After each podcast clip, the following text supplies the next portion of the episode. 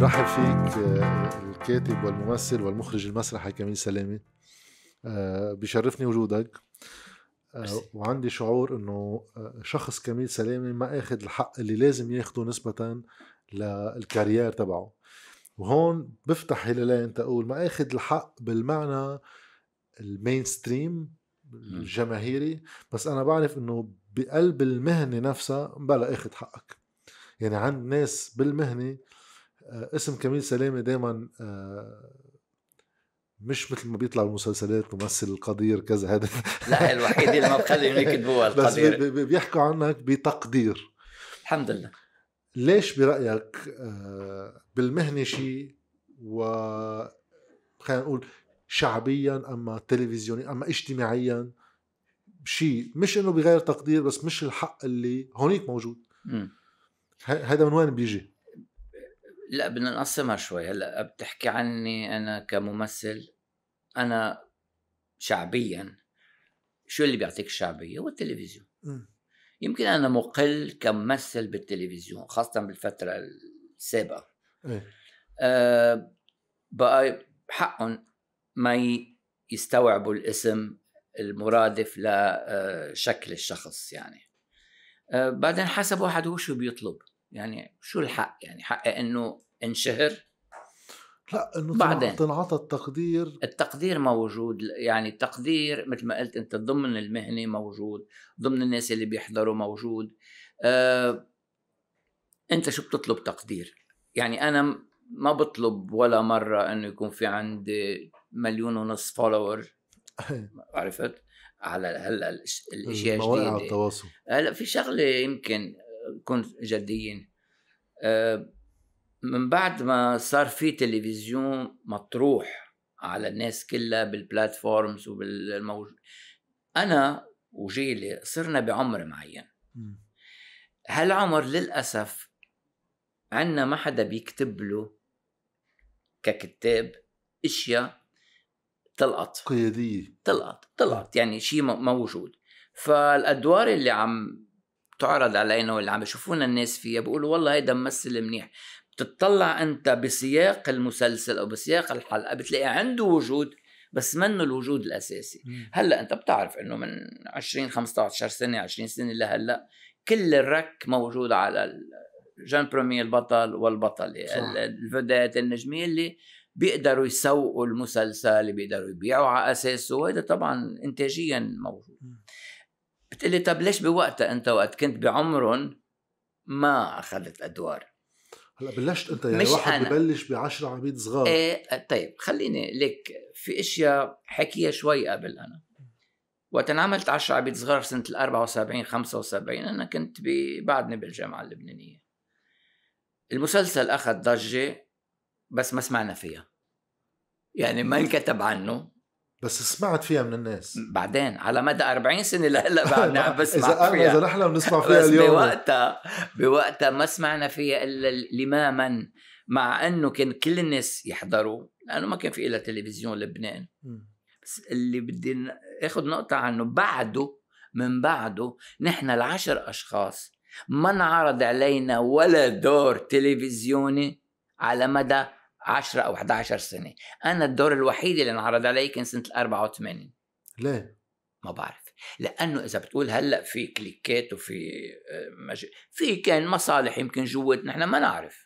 وكان في شغلة كتير أساسية هي التنافس النفسي إذا بدك بين يلي بسموهم جماعة التلفزيون وجماعة المسرح. تبع المسرح لك التلفزيون تبع التلفزيون يقولوا هو جماعة المسرح بتفلسفوا. يعني كان في إيه. هالكلاش هذا يحطوه بالروس. فما حدا عرض علينا.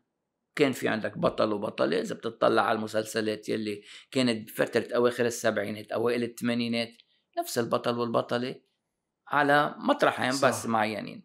هذا الشيء خلاني يمكن أفتح شغلة تانية موجودة فيه اكتشفتها هي الكتابة والإخراج المسرحي رح هلا حكيت كذا شغلة خرج واحد لا بس عم تقول لي إنه حقك. لا أنا ما عندي مشكلة هلا إنه إذا امشي امشي بالطريق وحدا يسألني شو بتشتغل يعني. إيه، عرفت كيف؟ إنه ما عندي مشكلة ما لأنه خلص تخطيتها ما في مشكلة الإيجو يعني إنه. تخطيتها انتبه الإيجو بيجيك بعمر معين. آه. هلأ بتلاقي إنه أنت بتكتفي بتكتفي عن جد. بآراء الأشخاص يلي بتوثق فيهم يلي بتحبهم يلي بيحبوك أنا مرات إذا حدا قال لي حبيت شيء عملته وأنا بلاقي إنه هيدا بعرفه إنسان بلا ذوق بزعل؟ إيه طبيعي.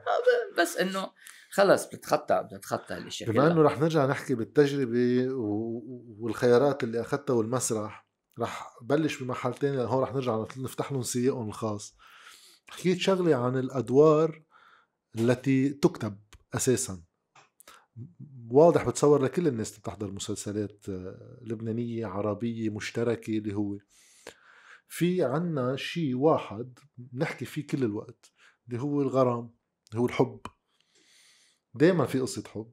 طبعا يعني حتى بمسلسل مثلا مثل الهيبة اللي مفروض القصة خاصة بشي بيشبه عشيرة بمنطقة حدودية وتهريب بده يكون في قصة حب ومش قصة لا انتقاد ولا شيء بس آه، هيك شيء واضح بتصور لكل الناس حتى اللي حبوا إنه أيام تفتعل قصة الحب. يعني كل مسلسل بيكون في نادين نجيم بعدين نيكول سابا بعدين سيرين عبد النور. يعني كل كل season في افتعال لقصة حب وكأنه ضروري يكون في قصة حب. هو آه، بغض النظر عن المثل اللي اعطيته لأنه هيدا بترجع للكتاب وللمنتجين. آه، الحب قصة الحب هي موجودة بسياق بتصور معظم 90% من المسلسلات ال- المحلية ومن الأفلام العالمية يعني حتى بعز دين الحرب العالمية الثانية اللي كانوا يعملوا عنهم مسلسلات أو حرب فيتنام في قصة حب شغلة الحب آه، بتلطف يمكن أو بتكون هي منطلق لبعض تصرفات الأبطال بحياتهم يلي ما إلها مش لهوليك إيه. بصير يمكن بتلاقي إنه أنت سبب لأنه هو آه عم بحب هلأ خفت شوية آه هلا حدية. هالحدية تبعه يعني الحب شغلة أساسية بتصور بكل ال... إيه بس أنا قصدي شغلة إنه أنت قلت مصطنعه أو إيه قصدي بأي معنى؟ لا شك الحب موضوع بيصيب كل إنسان. يعني فيك تحكي عنه بتتوقع إنه الناس بتتفاعل معه بتعرفه مش إنك عم تحكيه عن قصة يمكن ما بتعرفها. إيه وبتشبهه مرة. تشبهه بس أنا المشكلة اللي أنا شخصيا أنا مشاهد يعني ماني عبره يمكن إنه ليش 100% بده يكون هيك؟ يعني إذا بالسنة ال 74 مثلا 10 عبيد صغار امم طب هذا الشيء شوي في رعب أما thriller يعني. مزبوط. ومش قصة حب في في بس كان في استلطاف. إيه. كان في استلطاف. المشاهد عم بشوف إنه هيدا ما معقول يقتل هيدا لأنه مبين في استلطاف يمكن يحبها. عن الكابتن أيه. لومبرد وفيرا كليتون صح اللي بيتذكر المسلسل آه، بقصص أجاتا كريستي يلي ماخذ مأخوذ منها منه. عشرة عبيد صغار في علاقات معينة بس ما بتروح يمكن كتير آه، دوز ال- الحب ال- أيه. يلي بينحكى عنه الحب الغرامي اللي بيعمل شعر أو بي إيه بيحكي جمل ما, ما بتنقال بالحياة يعني بس أنا بطلع إنه المشاهد بلبنان وبتصور بالعالم العربي كله مثل ما بكل العالم نحن مثلا بنحضر عم بحكي الأمثلة اللي هيك المشهورة كتير بس واحد يبسط الفكرة إنه بنحضر جاد فاذر وبنحبه كتير. بنحضر شاوشانك ريدمشن وبنحبه كتير. ما عنا إنتاج لشيء على القليلة بالمسلسلات تحديدا خصوصا اللي بتنشهر كتير. تحكي شيء يمكن يكون في قصة حب مش هون قصة بس مش هي الواجهة مش هي الارك الأساسي تبع القصة. لا فيها تكون قصة آه، آه، تهريب قصة آه، مافيا قصة حبس اللي هو. هو بنلاقيهم كتير قلال صاروا. لأنه أنا ما بحب قارن مسلسلات بأفلام. يعني الفيلم. الطويل شيء في له بس كومباكت برضه بالمسلسلات بالمسلسل بده وقت بد في عندك إذا 20 حلقة 30 حلقة بدك تخلق له أكثر من موضوع مم. تتلطف من هون وتقوي من هون. يعني أنت عم تحكيني هلأ كممثل؟ لا ككاتب عم ككاتب أكيد. وأنا بدي أقول لك الكاتب والممثل والمخرج لهم علاقة بالمنتج. هلأ المنتج مرات هو شو بيطلب؟ هو بيطلب بدي كذا. مش بدي لأنه مطرح ما أنا بدي بيع بدهم كذا. إذا عم نحكي هلأ إيه. هالفترة من 15 ل 20 سنة هلأ بتصور أنا مع أنه ما عندي خبرة بالمعنى أنه ما عندي خبرة عملية أنه أنا ما تواصلت لا مع منتج ولا شركات ولا شيء. بس بتخيل أنه الشركة اللي بدها تشتري بدها قصة معينة بظروف معينة مرات بتقول بدي هيدا الممثل بدي هيدا البطل مع هيدا البطل يشوفوا شو فينا نعمل. آه okay. Okay؟ إنك أنت كمنتج بتجمع الكاتب والمخرج واللي أنت بتوثق فيهم وبتشوفوا شو بدكم تعملوا. مش عم بقول إنه بلزقون على بعضهم ويلا اضربوا حيلا شيء بيمشي. بس صار في نوع من ال recipe الرسات إيه. يلي مقومات نجاحها صارت. موجودة إيه. الشطارة هلأ إذا هيدي صار للمقومات النجاح 15 20 سنة خلينا نبلش نشوف مقومات نجاح مختلفة مع المحافظة على هاي لناس بحبوا يشوفوا غير شيء. وهون بين هلالين أنا بدي أفتح هلالين هون وبقول لك إنه مثلا مسلسل براندو الشرقي اللي عم ينعرض هلأ على شاهد على شاهد أخذ غير بيه غير غير مطرح أنا دائما بقول لهم إنه وقت كنا نعمل مسرح أوكي في مسرح بيجيب لك 400 ألف مشاهد. وفي بس في بهالبلد هيدا 20 ألف مشاهد بدهم غير شيء تمام. أعطيهم.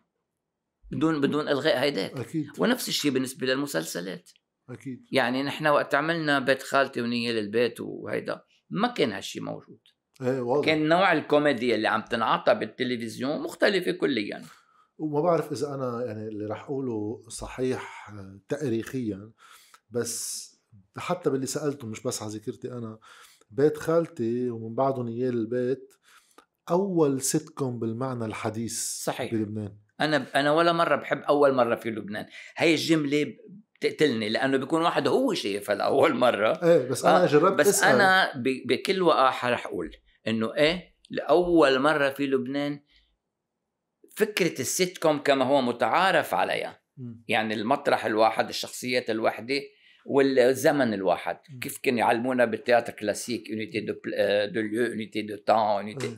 هيدا آه، كان هيدا كان سنة ال 87 82 89 ورجع اجى سنة 98 99 2000 نيال البيت النية للبيت إيه بوقتها انعمل. بس مش إنه نجاحه كان بس هيك صدفة. كان تأمل له مقومات معينة هي تدريب على الحلقة قبل تصويرها. ليش هو بالمسلسلات ما بصير في تدريب على الحلقات؟ ما بصير؟ تدريب على الحلقة مع الكاميرمانية ومع المخرج. بتعمل الحلقة بتتدرب عليها نهار أو نص نهار قبل. تيجي تاني يوم بتصور. بتصور بتصير تعمل ريهرسل كل شيء بس أنت بتكون على الأقل خلال الليل عارف حالك وين شو عامل تنقلاتك كيف أنت بتعرف وفيها شغلة إضافية يلي هي كان إدارة الممثل. يعني أنت أنا عم بشتغل مع المخرج على الممثلين وعم بشتغل على الصورة. فكان فيها تنسيق هيدا.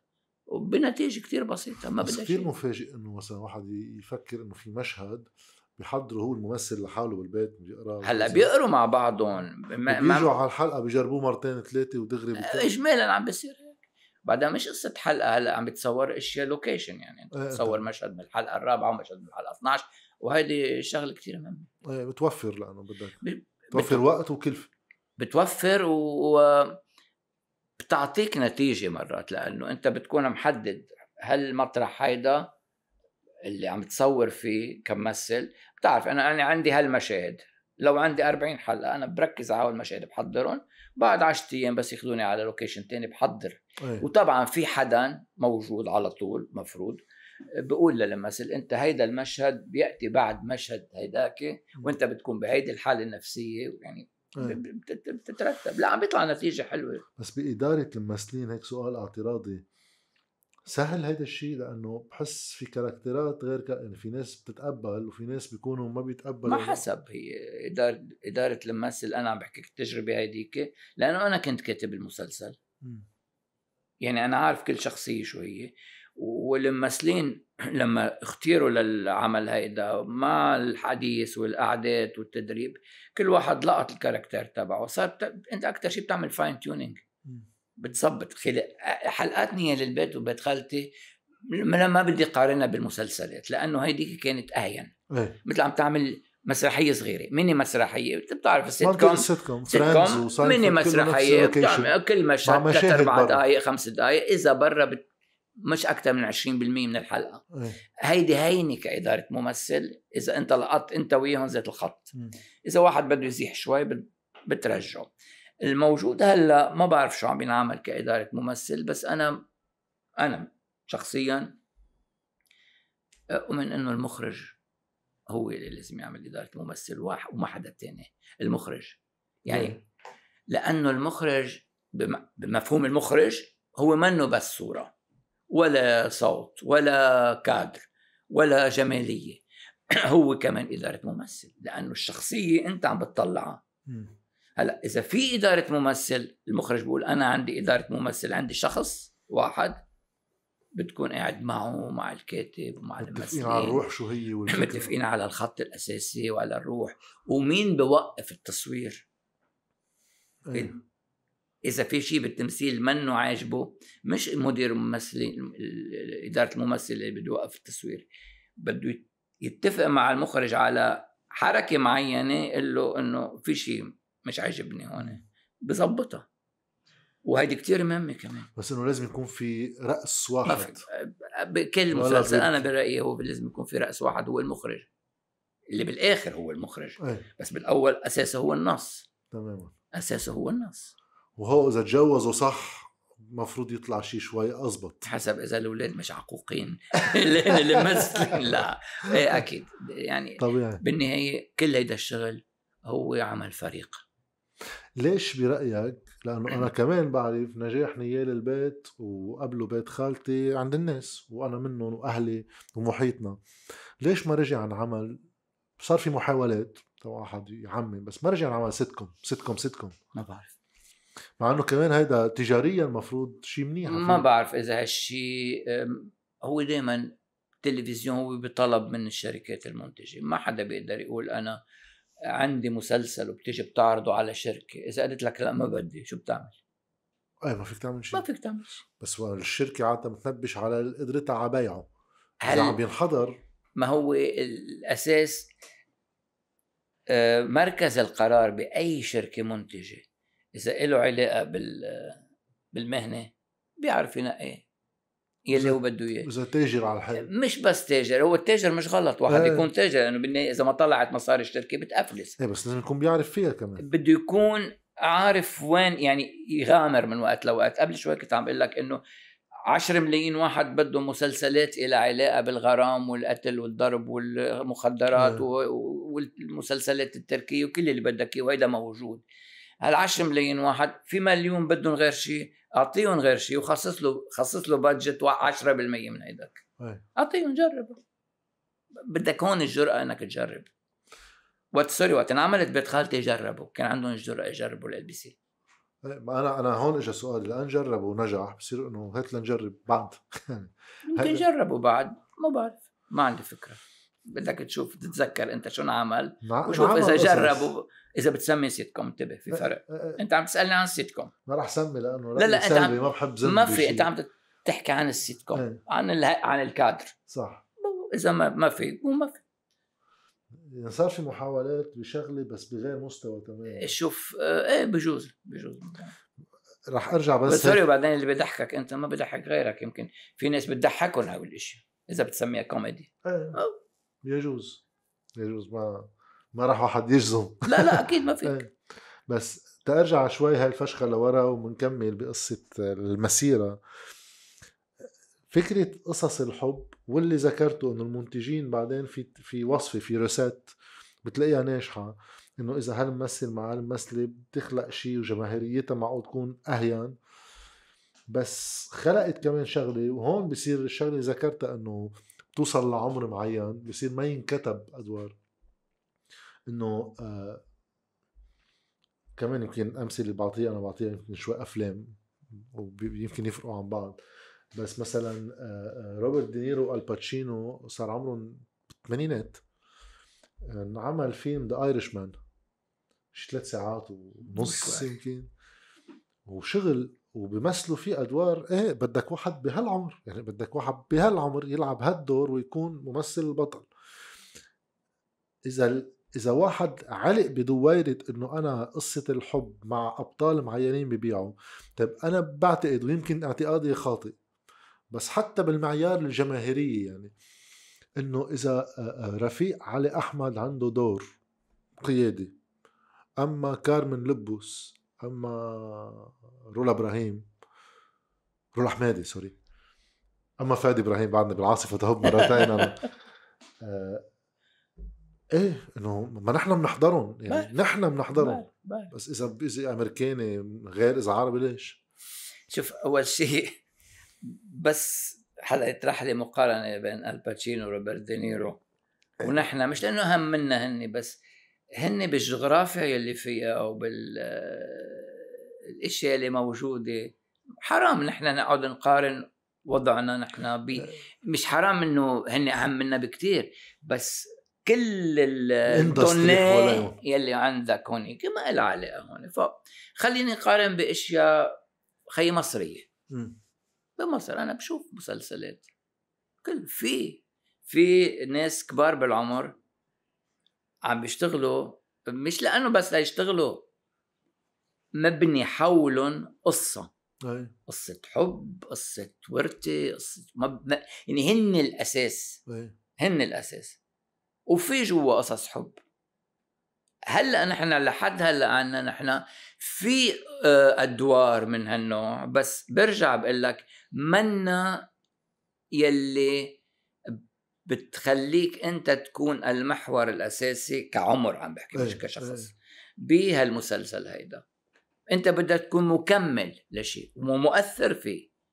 أنت مؤثر فيه بس أنت تاني أو ثالث انه مرافق للقصة اللي هو بيكون عم إيه. بيديرها البطل. أو إيه البطل نوع من التخفيف من dose هيديك. إيه. بتعمل شيء أنت هون. الأم والبي وصاحب الشركة و... مثلا إيه. مثلا مثلا. وبس الحلو إنه مثل ما قلت شغلة أنت في ناس بيحضروا وبيلاحظوا هالشيء هيدا وبيحكوك عن هالشيء هيدا. لا لا أنا أنا بحضر مسلسلات كتير بحضر بس بحضر يعني. صار عندي مش ملل بس إنه هيك بدك شيء شوي إنه الحب حلو بس بدك شيء شوي غير يعني بدك شيء غير. ما بتلاقيه كتير. وسؤال كمان اعتراضي ضمن نفس هلا الحديث. هلا عم بفوت النمط التركي مش بس بال يستوحي واحد. عم بيجيبوا المخرج التركي وهو يخرج يعني مش عم بيجيبوه هن عم بيروحوا لعنده. إيه ما عم بيروحوا أنا مؤخرا اشتغلت شهرين إيه. هونيك. لا أنا حضرت مثلا ستيلاتو إيه. وحضرت هلا عم بحضر في شيء اسمه الثمن. مزبوط. إيه أنا بالثمن بآخر حلقات. آه والله. إيه، نحن طلب مني دور ورحت. إيه. بس شو شو الإشكالية؟ اللي عندي ما عندي مشكلة إنه تركي ولا مش تركي. بس ما لقيت حدا على فكرة يعني من القراب اللي حضروا وكذا كلهم عندهم نفس التعليق. إنه. هالمغط إنه القصة فيها تكون مش 90 حلقة. آه, آه ليك هيدي شغلة بعتقد شغلة انتاجيه وشغلة لما تاخذ format وتنقله من لغة مفترض هلأ أيه. تركي للغة تانية. بين الشركات المنتجة انت ما بتقدر تكسر ال format مجبور امشي بال storyline بتصور مجبور تمشي بال storyline هلا بتخلق storylines جديدة بمطارح تانية بتتناسب مع البيئة يلي انت عم بتصور انه عم بتصور ضمن انه عم بتصير بلبنان أو م. أو شيء مطرح من انه بس قصة الحلقات ال 90 هيدا ستنا فورما تشتري. فورما 90 حلقة 90 حلقة. بتعملوا 85 بتعملوا 80 بس بتخيل إنه هيك. ولما يتفقوا مع الممثلين عم يتفقوا مع على عدد معين من الحلقات. يعني هي صناعة م. أه وبدأ ندخل فيها بالفن. يعني في كتاب bible بدك تلتزم فيه. أكيد. مثل كل شيء بتتفق يعني أيه. أنت منك عامل آه، خلق لهالشيء منك أيه. création من عندك. وقت تحترم اللي خلقها بدي هيدي بقول لك إيه بتاخذها هيدي شروطي. واحد اثنين ثلاثة أربعة ما بعرف شو هي الشروط ماني مطلع عليه. بس مثل ما شفت من هالوقت بلش ولا هلأ بس الحلو أنا برجع بقول أنا عم بحضر الثمن أيه. وحضرت يلي قبله. ما في آه إنه يلا هذا رايح لهونيك اعطوني يعني لا عرفت شو قصدي؟ عم ينعمل عن جديد عن جديد بشكل محترم. أنا فتت وشفت كيف بينشغل آه احترافيا. هلا هن عندهم نظرة معينة للمسلسلات هونيك؟ تختلف شوي عن طريقة التنفيذ عنا. بس أنت بتطلع على النتيجة بتلاقي ولا أوكي مط. بالنهاية لك جد. التلفزيون أنا من زمان كنت هيك أتسلى نحكي إنه مرات مسلسلات التلفزيون عنا بدها شيء من هالنوع لحتى تقدر أنت أو المدام أو أمك تروح على المطبخ تحضر لك الصحن وتقول لك يا أمي علي لي الصوت تعال شو عم بيصير. وترجع وترجع فيها تكمل. أيوه أنت عم تحضر تلفزيون vision بس هي ما بتف... ما بتقشع علي لي الصوت تسمع شو عم بيصير. وهذا الطبيعي بالبيوت عنا أيه. موجود بالبيوت. فبتصور مثلا أنت أعطيهم هودي وكله مشاهد مثلا بس ما فيها حكي فيها تفاعل طب شو عم بيصير؟ ما بنعرف شو عم بيصير. وحدث ورا حدث ورا حدث ورا حدث إذا قفيت حلقة أو نص حلقة ما بقى كفي ما بقى interested أنا بالباقي. ف في طبخة معينة بدها تنعمل. ولما أقول طبخة مش عم بحكي بشكل سلبي. أيه. بدنا نقبل إنه هيدا برجع بقول لك هذا الفرق بين الفيلم الطويل اللي أنت بتروح على السينما تحضره وبين اللي بيجي لعندك على البيت. ب... أنت قاعد مرتاح وما بدي اجريك لكن أنا حر بدي أنا هيدي طريقتي. إيه بس صار في شيء و- وسيط. وفي الريموت لا اللي هو لا، الشاهد. ونتفليكس اللي إيه. أنا بشترك بشغله وبنقي من ضمنها. يعني مزبوط عملت خيار. مزبوط. بس إنه كمان في شيء بيتقدم لي. عندي خيار أنا بحضر حلقتين ثلاثة لا ما بدي ضايق ما ب... مش طايقه بدي أشوف شيء شيء ثاني وهلا أنا كمان تما أكون أنا لأنه عم بقول لك ماني عبرة آه، آه، بتطلع ب انتر جيمين نسب المشاهدة هن بيحطوا التوب 10 إيه إيه. ستيلاتو كان إيه، نمبر 1 منا وهلا عبرة، السما بس نمبر إنه- 1 إيه، إيه. إنه في ناس عم تحضر. انتبه انت ما انت ما عم تحكي على. بس ال... البيئة اللبنانية؟ البيئة العربية. البيئة اللبنانية 1% يمكن تطلع أيه. عندك البيئة العربية. تماما البيئة العربية اللي شاهد أو نتفليكس أو اللي بدك اياه عم يحضروا بقول لك الأول بال- بالمشاهدة بلبنان صح. الأول بالمشاهدة عنا شاهد يعني أنا هلأ عم تحكي معي لو أنا عامل معي مقابلة من 15 سنة أو 20 سنة كنت لقيت غير واحد عم يحكي بغير طريقة كليا شو اللي تغير؟ ألو... إنه بدك إنت بدك تت... بدك تكون واقعي. واقعي أو لأ شوف المطرح الوحيد وين ال compromis المريح؟ ما في compromis ما تفقد مثاليتك لأنه هاي بتخلق لك شوف مثاليتي أنا عم تحكيني ك... كمهنة إيه. كمهنة كممثل. أكيد. مثاليتي ان الدور بقول عنه إيه اعطيه أكثر أحسن شيء بقدر أعمله. بس ما بترفض أدوار؟ بلا. إيه. بلا أكيد. لأنه في. قصص بتكون مش هذا الشيء اللي أنت بتعمله. برفض وما بعلن إنه رفضت لأنه إنه أنا رفضت لأنه أنا مقاييسي هلأ هي كذا. يمكن غيري ياخده ويكون مقاييسه مختلفه عنه إيه. مش صح وغلط يعني. لا ما في. بالفن في صح وغلط؟ ما في. ما في صح وغلط. في بيشبهك أو ما بيشبهك. بس في بالإكستريم. في قصص ما بتقطع. في قصص ما بتقطع مرات كثير لما تحضرها. إيه. وتقول الحمد لله قلت لا. بس آه، وفي قصص بتحضرها لأنها بشعة. لحتى إذا انعرض عليك حدا عاملها تقول لا قبل ما تقرأ. إيه. هيدي أكيد. بقول لك المطرح الوحيد اللي ما بعمل فيه compromis بالمعنى ال compromis كمان ال compromis منا كلمة سلبية. على طول اللي ما بلاقي حجج لإلي لحتى فوت هو المسرح إيه. مسرح خيي أنا بتسلى على راسي من أول ال- ما بتمثل كتابة. مسرحية حدا تاني ما حدا عرض علي بلا هلأ ما بقى حدا عم يعرض آه. علي بس إنه لا مع ريمون جبارة وكذا إيه، اشتغلت. قبل أنا اشتغلت. كممثل مسرحي شغل قبل ما أكون كاتب ومخرج. يعني ما بقدر أكون كاتب ومخرج قبل ما أكون شاغل مع كذا مخرج قبل 10 15 سنة لحتى أعرف ال- الإشياء. كيف. اتعلمها مش باخذ شهادتي وبطلع بعمل إخراج يعني. شو الفرق بين المسرح والتلفزيون؟ فروقات كتيرة إيه. بس أنا مثلا كل كل هال اللي هي برجع بقول انتقادات شخصية ماني عبرة. آه. بس إنه عم نحكي إنه بالتلفزيون في الممثل البطل والبطلة في المنتج وطلباته في قصص الحب القائدة للقصة. هو كله مش ضروري يكون موجودين بالمسرح. أنا حاضر كتير مسرحيات خصوصا مؤخرا. في قصص مختلفة تماما. إيه أكيد. المسرح آه، يعني شغلة subjective يعني شغلة خاصة باللي إيه. عم يعمله آه، زمن المسرحيات اللي الشعبيه عنا اللي كانت تضاين أربع خمسة أشهر ست أشهر بعتقد هلأ بعد كثير لأنه في لعبة التكاليف ال investment. والناس اللي بتجي على المسرح أو ما بتجي على المسرح والمسرحيات الكبيرة يعني كان في جورج خباز كان يشتغل صح. يشتغل كل السنة لأن جورج خباز يعتمد على نوع معين من المسرح خلوق و... تجي العائلة عليه والعائلة بتجي بس هلأ العائلة اللي هي افترض أربع أفراد طب إذا باقي العائله بده يفوت على المسرح بده يعمل حسابات قديش بده يدفع.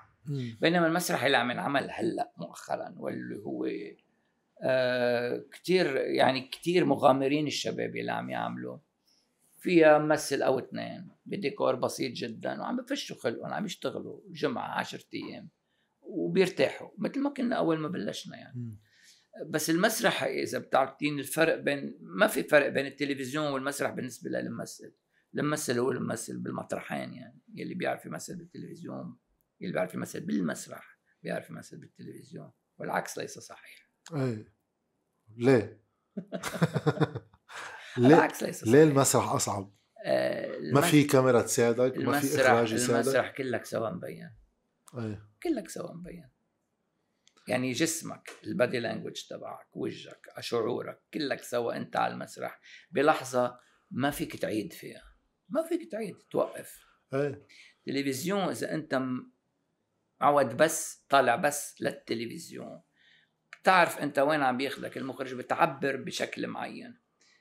إذا حتى على شغلة بدائية يمكن أكثر لأنا كمشاهد الحفظ. عم. يعني أنا ح... إيه، الحفظ لك اهين بالمسرح. إيه من المسرح إيه، مع انه لأنه هونيك أنت- عم تمثل مشهد بس أنت عم تتمرن شهر شهر ونص. إنه بعد شهر ونص. أنت ما فيك تقدم مسرحيتك إذا ما كانت جاهزة. إيه. ما بقى في مشكلة حفظ. أنت بتقول أنا بدي أفتتح بالنهار الفلاني من بعد ما تكون عامل لك شي 30 40 تمرين تدريب.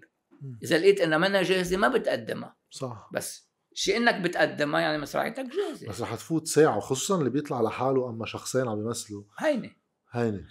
هينة لا للي بيشتغل للي هالشغل. بيشتغل هالشغل. صعبة على يعني أنا كثير كان يضحكني مثلا إنه لما بده يهنوني على مسرحية مش معقول شو حافظ. إنه هينة هينة لأنه أنا مدرب عليها وحاضر تجي لعندكم صح. ما بيجي لعندكم آه، الحفظ هو أسهل شيء إن كان بالتلفزيون أو. بالمسرح. اللحظة يلي أنت عم بتكون فيها بالمسرح لا تعاد. إيه. عملت حسيت حالك عشطت بتصير تشد تتظبط ما بتزبط بالتلفزيون بتعيد. فهيدي بس الممثل أدوات الممثل اللي هي الشعور والجسم والوجه وال- كلها سوا هيدي إذا منه متملكة الممثل أفضل ما يكون ممثل بيعمل أي مهنة تانية مم. سألت سؤال لفؤاد يمين عملت معه مقابلة واحد من الناس اللي كانوا تلاميذك قطع حبيبي. بالجامعة بحبه كثير كان عندي نظرية قال لي إنه مش كتير مزبوطة. بس رح أرجع أسألك السؤال لأنه هيك انتريسان تجربتين واختلافهم. آه، إنه أيام بشوف عم بحضر مسلسلات عم بحكي عن ممثلين لبنانيين يعني لأنه بالبداية كنت وقتها عم بحضر مسلسلات لبنانية بعدين صار في إنتاجات مشتركة. بس يمكن تطبق وين ما كان ماني أكيد. بحس في مبالغة أيام يعني في يعني في حفلة بكي بتصير إنه هاي يمكن أنا صايرة معي بحياتي مرة. ام مرتين بتصير في حفلة بكي بالمسلسل شغالة على 30 حلقة. في أيام مبالغه انه واحد مثلا عم خاصة بالكوميديا اللي هي في جزء منها إيه بيصير بس أيام بتحسها مبالغ حتى فيها. إنه بده يحمل جره إيه وكذا وراح يوقع. كان هيك عندي نظرية إنه يمكن اللي آه، بيتعلم مسرح في حاجة شوي لمبالغة بتعبير الوجه لأن ما في كاميرا عم تقرب عليك في الناس بدها تشوفك. فبينقلها واحد على التلفزيون بوقت في كاميرا عم تقرب عليك ما منك مضطر.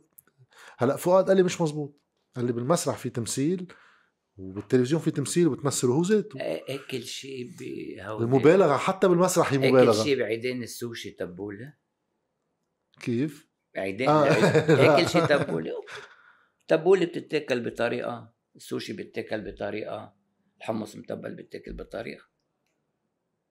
المشكلة فيك أنت. إيه. مش بالمطرح. يعني إذا أنت ممثل ما بتعرف تأقلم وين بأي وسيلة عم تشتغل فإذا المشكلة فيك. مش إنه المبالغة لأنه جاي من المسرح ببالغوا على التلفزيون. هيدي مقولة عن جماعة اللي كانوا يشتغلوا بالتلفزيون تيبعدونا عرفت؟ إنه لا هيدا بأوفر. إيه.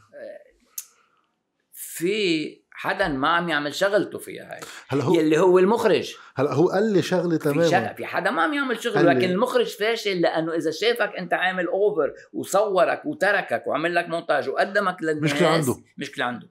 وقال لي شغلة فؤاد كمان غير المخرج في تكون مشكلة بالكاتب لأن أيامات بناء الشخصية إذا بنيها صح منه مضطر ليفرجيك إنه زعلان يقعد يشهق بالبكي فيك تعرف إنه زعلان من تراكم قصته من تعبير. بالوجه. ما بدي أحط ال- الكاتب والمخرج والممثل. it's teamwork في فريق. في فريق. يمكن آه، هيدا هون ما لها علاقة بالممثل لها علاقة بالشخصية. هالشخصية من أولها لآخرها كيف بيعبر هل بيعبر بشكل لبرا فائع أو بيعبر جوا. بي- مش بس بالبكي.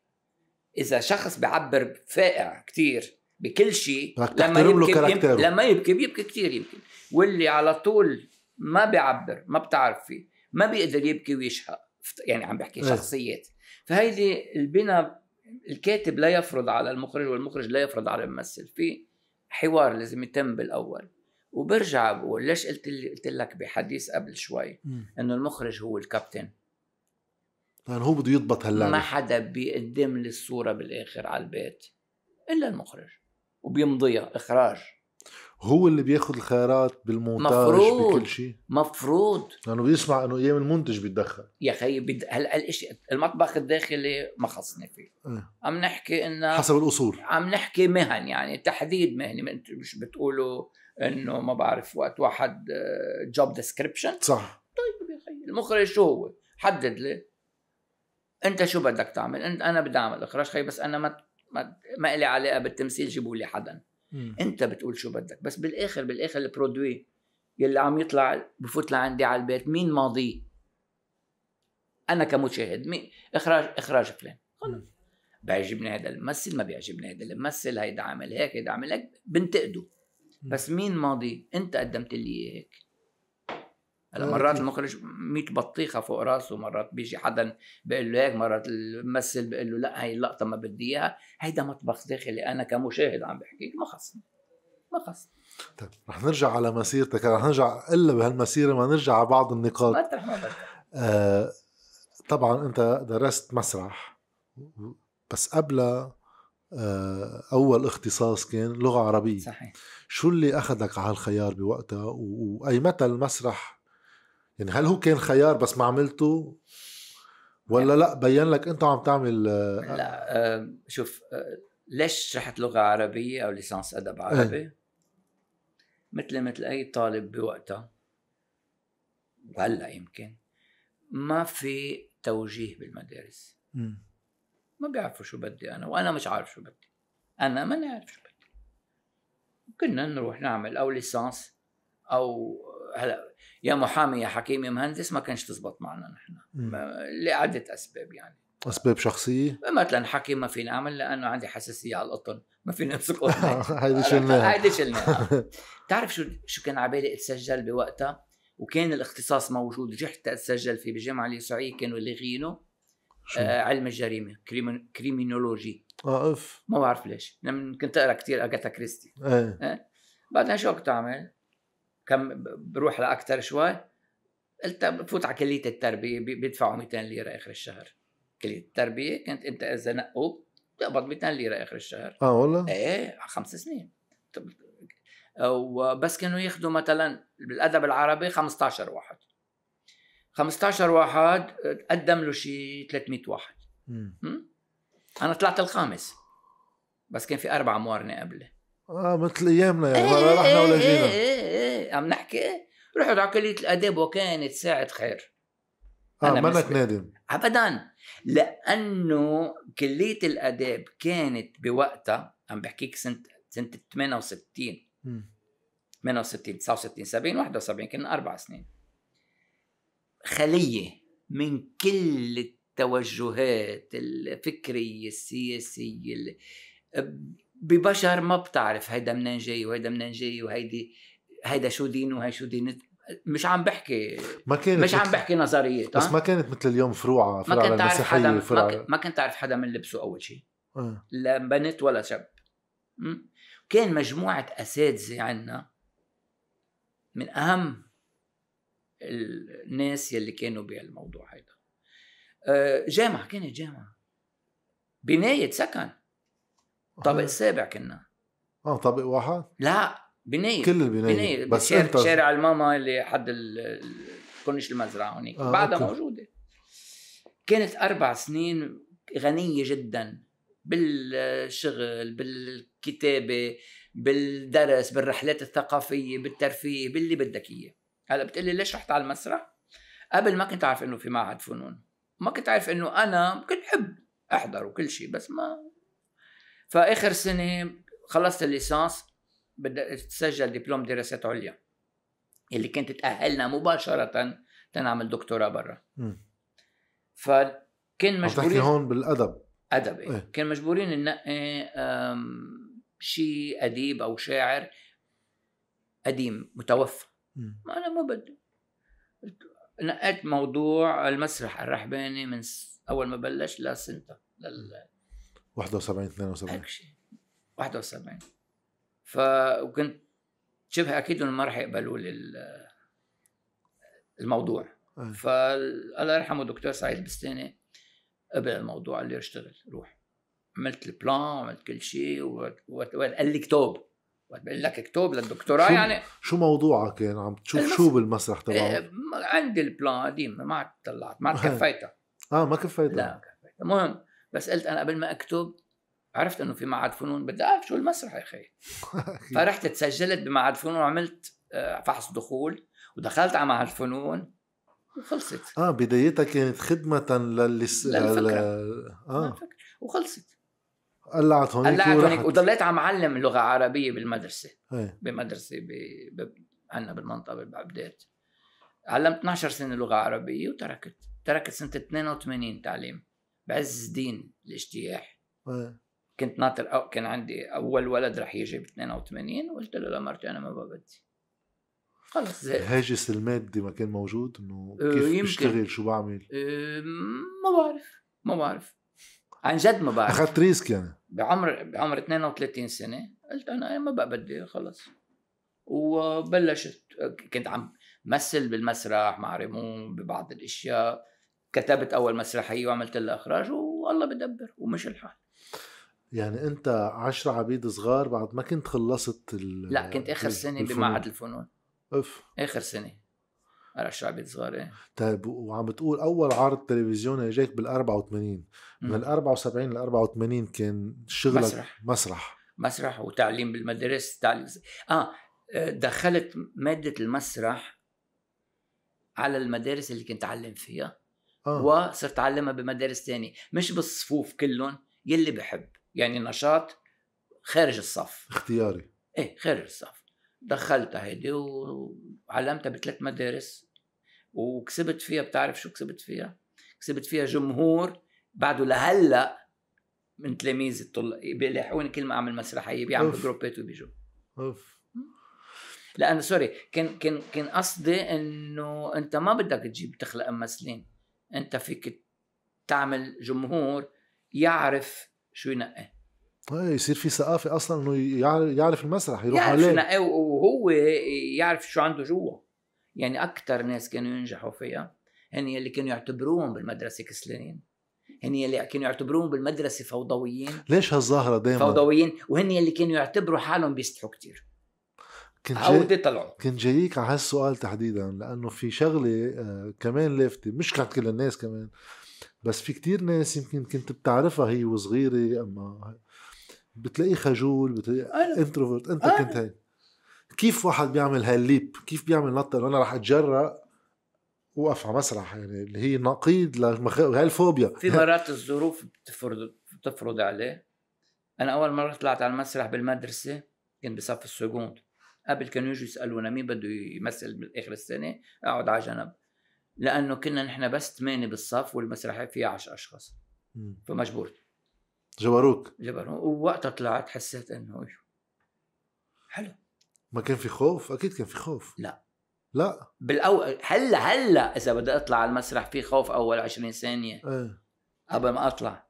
لهلا هيدا التراك هيدا بفتش على كل ممثل بيعرف شو قيمته بفتش عليه قبل ما يبلش يمثل. إيه. صدقني. هل هيك التسحيبة بالمعدة.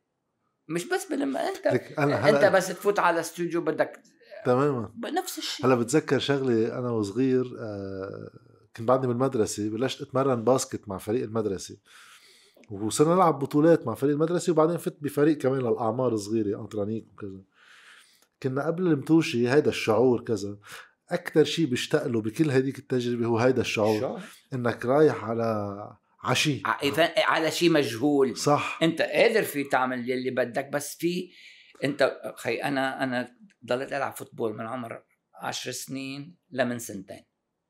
بس تكون انت بغرفة الملابس عم تلبس ثيابك تنزل تلعب. آه، أحلى شعور. انت وراكد في شيء هون بي- مثله مثل المسرح. مثله مثل أي واحد بيتحمل مسؤولية الشيء اللي بده يعمله. آه. بدك انت عندك مسؤولية بدك تتحملها بالشيء اللي راح تعمله. ما ممكن ما يكون في عندك هالتراك هيدا اللي هو بيعطيك الدفع. تماما. إيه بس آه، التمارين بقلب الاختصاص هي بتطلعك من الخجل ولا من أول ما جبروك على المسرحية؟ خلص المسرح صرت إيه بعالم الخجل محمي. إيه، الخجل الخجل المجتمع ما بيروح.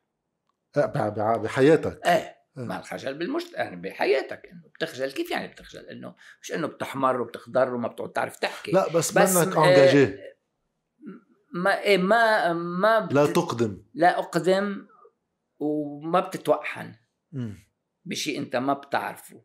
مشكلتي انا منا مشكلة بس انه آه، بس كون بمجتمع جديد علي بسكت بنطر. لأنه مرات انت بتحكي بطريقة أو بتنكت بطريقة. ما بيفهموك انه انت بتلاقي هيك انه إيه يمكن حدا ما. بت- بتشوف إذا ال- الأرضية مهيئة بتشوف شو بدك تعمل. فطبعا هلا عم بحكي هلا مش عم بحكي وقت كان عمري 10 سنين أو 12 آه، سنة أكيد. إنه غير غير وضع كان غير ظرف هلا في ناس بيقولوا إنه بسيكولوجيكمان الشهرة ويمكن التمثيل وحتى بالغناء الشهرة آه، بيسعى لناس يعني بدهم إياها هيك في شيء جواتهم لأنه هن بحاجة لشيء يقويهم. هذا في ناس لأنه من بعد ما انشهرت بتغير كاركتيرها بتصير بالمجتمع حتى منطلقه إيه، أكثر يعني بصير هذا بده إنه ممكن تحليل نفسي أنا ماني شاطر فيه بس شوف الشهرة وقعد حدا يقول لك إنه مش حلوة. ما في حدا ما بحب بس فيها شيء كمان ثقيل. أنا بقول بت يعني أنت لما تاخد هيدي المهنة بتكون كتير خبيث إذا قلت أنا ما بهمني. ما هي آخر شيء آه، آه، تقييم نجاحك بهالمهنة تحديدا إذا انشهرت؟ أي ولا لا؟ حلو مثلا أنت تطلع تلاقي حدا عم بدل عليك ب... بس مش إنه تمشي وشوفوني. أنت بتكون ماشي هيك بطرف عينك بتقشع إنه بتكمل مشيتك بس, بس. جواتك جواتك أكيد بدك تنبسط. لأنه فيها شيء من التقدير فعليا. ما بعرف ليش. هلا حللوها أنتم بس أنا بقول لك أنت بتنبسط. أكيد بتنبسط. بتنبسط إذا حدا طلع من مسرحية ووقف على الطريق وقال لك يعطيك العافية انبسطنا فيك أكيد أقل شيء هيدا نتيجة عملك بالنهايه نتيجة عملك اللي انت اخترته. أياب بيعطيك آه، شعور بالرضا أكثر تكتب شيء مسرح وينجح ولا تمثل دور لغيرك وينجح؟ مختلف الأشياء النجاح هو النتيجه بس بحس واحد يكتب شغلة. شو قرارك بالأول؟ إنك تكتب أو إنك تمثل. ما أنت شو قررت إن اختيارك إذا نجحت باختيارك نفس الشعور نفس الرضا بيعطيك نفس الرضا. نفس الرضا. أنا بالنسبة لي اللي بيعطيني نفس الرضا. أنا ما نعم. أكتب وأخرج أخرج مسرحية ودرب ممثلين عليها لمدة وشوفها إنها نجحت أكيد بنبسط. ولما أنا أمثل بشيء وينجح كمان بنبسط. إنه نفس الشيء الفرح أنا بحس. الشيء اللي واحد لما sorry لما تفوت panier basket لما تفوت جول نفس اللعبة. بس وقت واحد يكتب شيء عم بيعبر عن شيء من جواته. ولا ولا ما يمثل عم بيعبر عن شيء من جواته. إيه إيه إذا. ما عبر عن شيء من جواته بكون عم بي شو عرفني؟ ماشي ماشي صح على سيرة براندو الشرق ثاقبت من شي جمعتين على يوتيوب شفت مقابلة لمارلون براندو. آه المذيعة إذا ماني غلطان بتقول له إنه إنه التمثيل شيء مهم كتير وقليل اللي بيقدروا يعملوه. كان كثير معترض. كان عم بيقول لا كل الناس بتمثل. قال وقت أنت تكوني قاعدة وحدا بيعجبك بس ما بدك تبيني إنه بيعجبك أنت عم تعملي تمثيل. آه بقى الناس بتمثل كل الوقت. لأنه الواقع الاجتماعي بيفرض عليك إياه. هون ما لازم تعصب مع إنك معصب. هون لازم تعصب مع إنك منك معصب. مزبوط بس بس فرق بين إنك تاخذها مهنه ويكون لها شروطها واخلاقياتها وبين إنه أنت مرق الطريق سميتها. يعني شوف دائما أنا أرفض التشبيه التمثيل يكون مرادف لكلمة عم كذب. عم تمثل علينا. إيه. برفضها. برفض كثير كثير ودي استعملتها بمسرحية كيف التمثيل معك.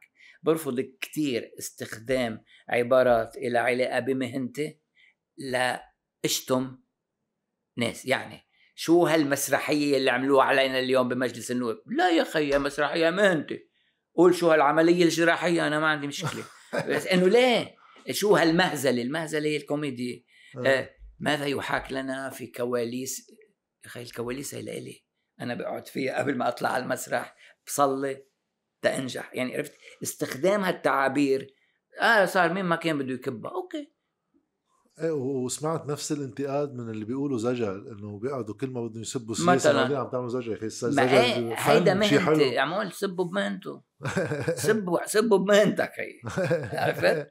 فبس هيدي طبعا موجودة موجودة حكينا لكن بال 74 خيار المسرح اجى من شيء جواتك لأنه إذا بالمدرسة حبيته وقت عم تحكيني وقت فت على معهد الفنون بال 71 71 72 في شيء من جواتك لأنه حبيته بالمدرسة بس ما كان على ما يبدو ما كان هالقد دافع ما عنه. ولا مرة فكرت فيه صار وقت عملت فت على معهد الفنون نعم. صار يصير هذا أكيد آه. أكيد هونيك. كمان هونيك معهد بمعهد الفنون كان المطرح يلي بحطك ضمن الإطار الناس الأساتذة الطلاب.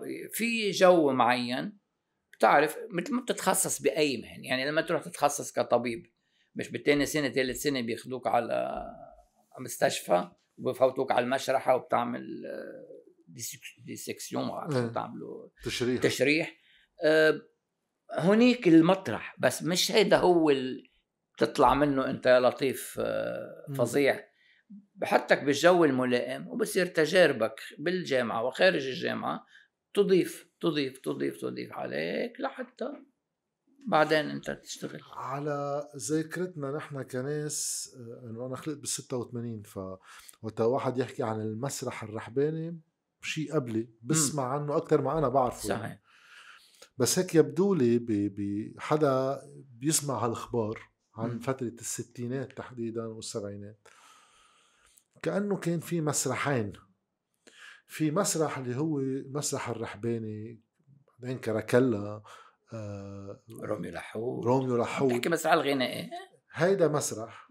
وفي مسرح تاني ما بينحكى عنه قد ما بينحكى عن الأول مع أنه له قصته وله تاريخيته يعني. ريمور آه. بارا موريس معلوف كل يلي بلشوا المسرح قبل ما كل واحد أي واحد منا يفوت على المسرح. تماما. هيدا المسرح وقت أنت بلشت كان شعبيته مش حقول بحجم مسرح الرحباني لا طبعا. بس إنه شعبيته كانت هذا المسرح موجود اليوم وقت نحكي عن المسرح له جمهور وأنا ولا مرة رحت على مسرحية مؤخرا غير ما كان فعليا الصالة باغلب الحالات على القليله مليانة. مليانة. بس لها جمهور. بس مش مين ستريم هالمعنى كمان هون الواقع. كمان هون المق... ما بعرف. أنا بالستينات كنت بعدني بال ب 12 سنة 14 سنة ما بعرف شيء بس فت على الجامعة فت على الجامعة ب 68 ب 68 69 70 71 ماني حاضر ولا مسرحية من يلي عم تحكي آه عنهم صراحة؟ آه. كنت أقرأ عنهم بالجريدة أقرأ مقالات بعد أقرأ الأسماء هدول لأنه يمكن كان يعملون بفترات معينة بمسارح صغيرة معينة بطريقة معينة وبعدين عاصرتهم واشتغلت فيهم من ال 71 72 وبالطلوع كمان الحضور الجماهيري أو الإقبال على المطرحين لا يقارن يعني مثل ما تقول لي الباتشينو ونحن إيه. لأنه المسرح الغنائي هو مسرح غنائي ما تنسى كان في نجوم غناء يعني عم تحكي السيدة فيروز تماما عم نصري شمس الدين عصافي. شمس الدين عم تحكي سلوى القطريب عند لحود عم تحكي يعني والغناء والموسيقى والشو بجيب ناس أكيد وبعدين مثل الاخوان رحباني وكل المسرح اللي كانوا يعملوه. هيدا له جمهوره وهيدا له جمهوره وفي جمهور بيحضر الاثنين تماما. فما ي... لا يقارن ولا حدا يدعي إنه كان يزعل الواحد إنه ليش هونيك عم بيشتغلوا ونحن عم, عم نشتغل في جماعتين أو ثلاثة. مختلفين. أنواع مختلفة.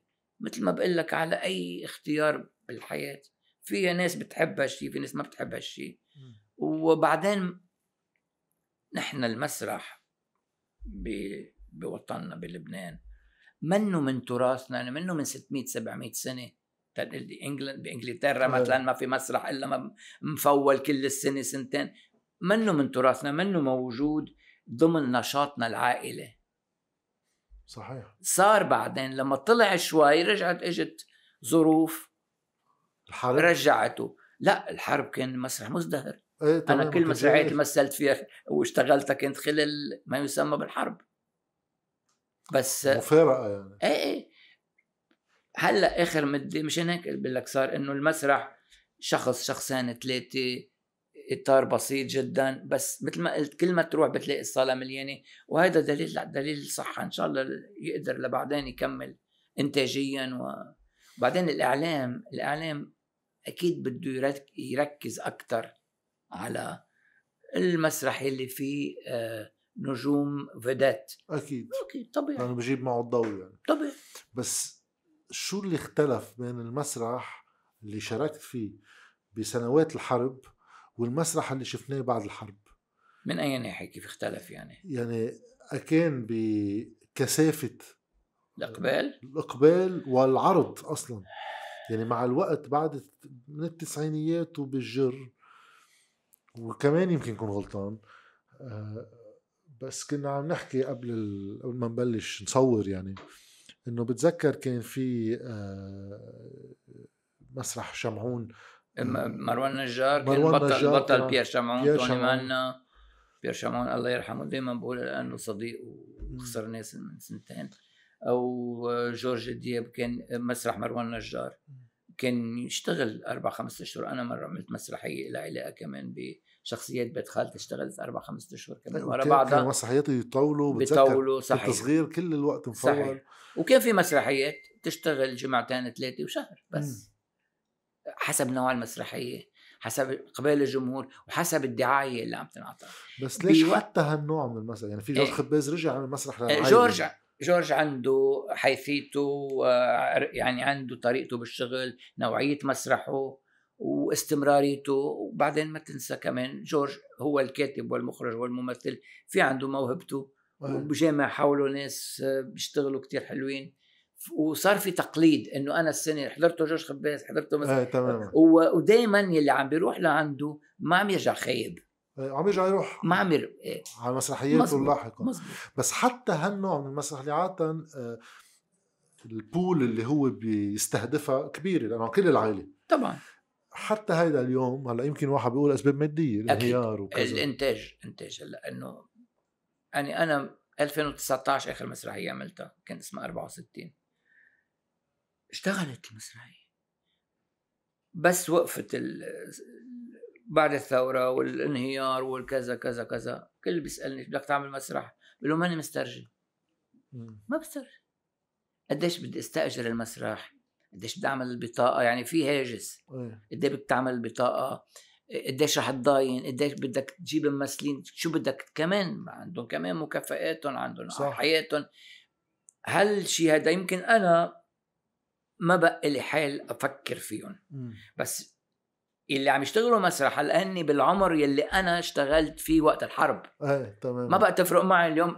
وين في العاصفه اليوم يابا؟ الانفجار وين صار؟ على طريقنا؟ خلص يلا هلا بكون قطع. بنروح بنكفي على المسرح.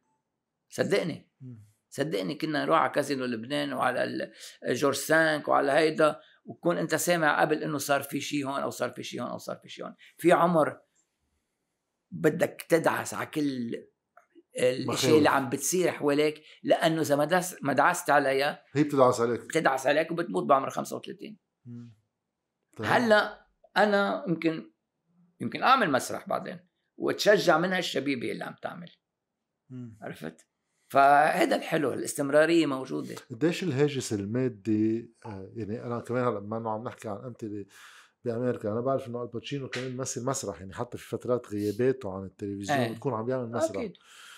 طيب أنا بتخيل إذا واحد يعني هون عم بحكي عن مشكل systemic ما بنقدر نعالجه إنه هذا حجم البلد بيفرض عليك سوق هالقد حجمه طبعا بس إذا واحد مثلا قدر يعمل من عمل مهم على شرط إنه يكون مهم قدر يعمل ثروة بيتحرر لاحقا من إنه شغلي عم بعمله لطلع مصاري أما الحاجة للدافع إنه لازم تشتغل تتعيش هو اللي بيخلق آه، بحكي عم نحكي بالمطلق, بالمطلق. ولا عم تحكي عني بالمطلق ويمكن كمان تجربتك ما هي ما بقدر أحكي عن غيري إيه. بس ما حدا أنا ما بقدر أفكر ولا لحظة إنه إن كان السلام قائم والحاله بتجنن إنه أنت فيك تعمل ثروة من المسرح م. لأنه مثل ما قلت كمية الناس منا كافية تتعيشك أنت ورفقاتك بالفرقة ل 12 شهر على مدى كل عمركم يعني كل مرة تعمل ما في ما عندك كمية ناس م. وبعدين شيل الملائكية يلي فيها وإنه كل شيء لا أنت الوضع اللي أنت فيه. الباتشينو بيروح بيعمل مسرح بعدين بيروح على البيت عنده بيقعد بالسونا وبيشتغل مساج بيعملوا له اللي بده إياه وبيجي عشية كمان وإذا عباله فيلم سينما بيصور. أنت لا أنت بدك أنا بتعرف إنه مثلا كمان بين مزدوجين إنه حلقات نيه للبيت وين كتبت آه، بيت خالتي وين كتبتهم سنه 89 90 وين؟ على صف البنزين. كنت اخذ الاوراق معي. آه طابور؟ نطره إيه كنت اخذ الاوراق معي احطهم بالسيارة وعندي حلقة بدي اصورها جمعه الجاي طابور الساعتين ونص تخلص أوف. الحلقة. الباتشينو في يعملها؟ ما في يعملها. ف... كل واحد ظروفه. ما في يعملها. ف إيه مرات الحاجة المادية ببعض الأحيان كانت تقلي بدك تعمل شيء بدك تعمل شيء ومرات الحاجة المعنوية بنسميها كلمة نق هي مش نق هي بالعكس تحفيز المحب اللي بحبوني اللي حوالي يعني من عائلتي ومن أقرب الأصدقاء. شو بك قاعد ما بتعمل شيء؟ بقول لهم okay. يعني با طا طا طا بتشتغل. مرات آه أنت بيطلع على بالك فكرة بتكتبها أو بتنبش فكرة قديمة كتبها من عشر سنين. بتقول يا هيدي كتبها ليش ما بكملها؟ بتكملها. الهاجس المادي أنا كان عندي لأنه بآخر فترة كنت أنا أنتج مسرحياتي ما كنت أعتمد لا على سبونسر ولا منتج ولا شيء ابدا.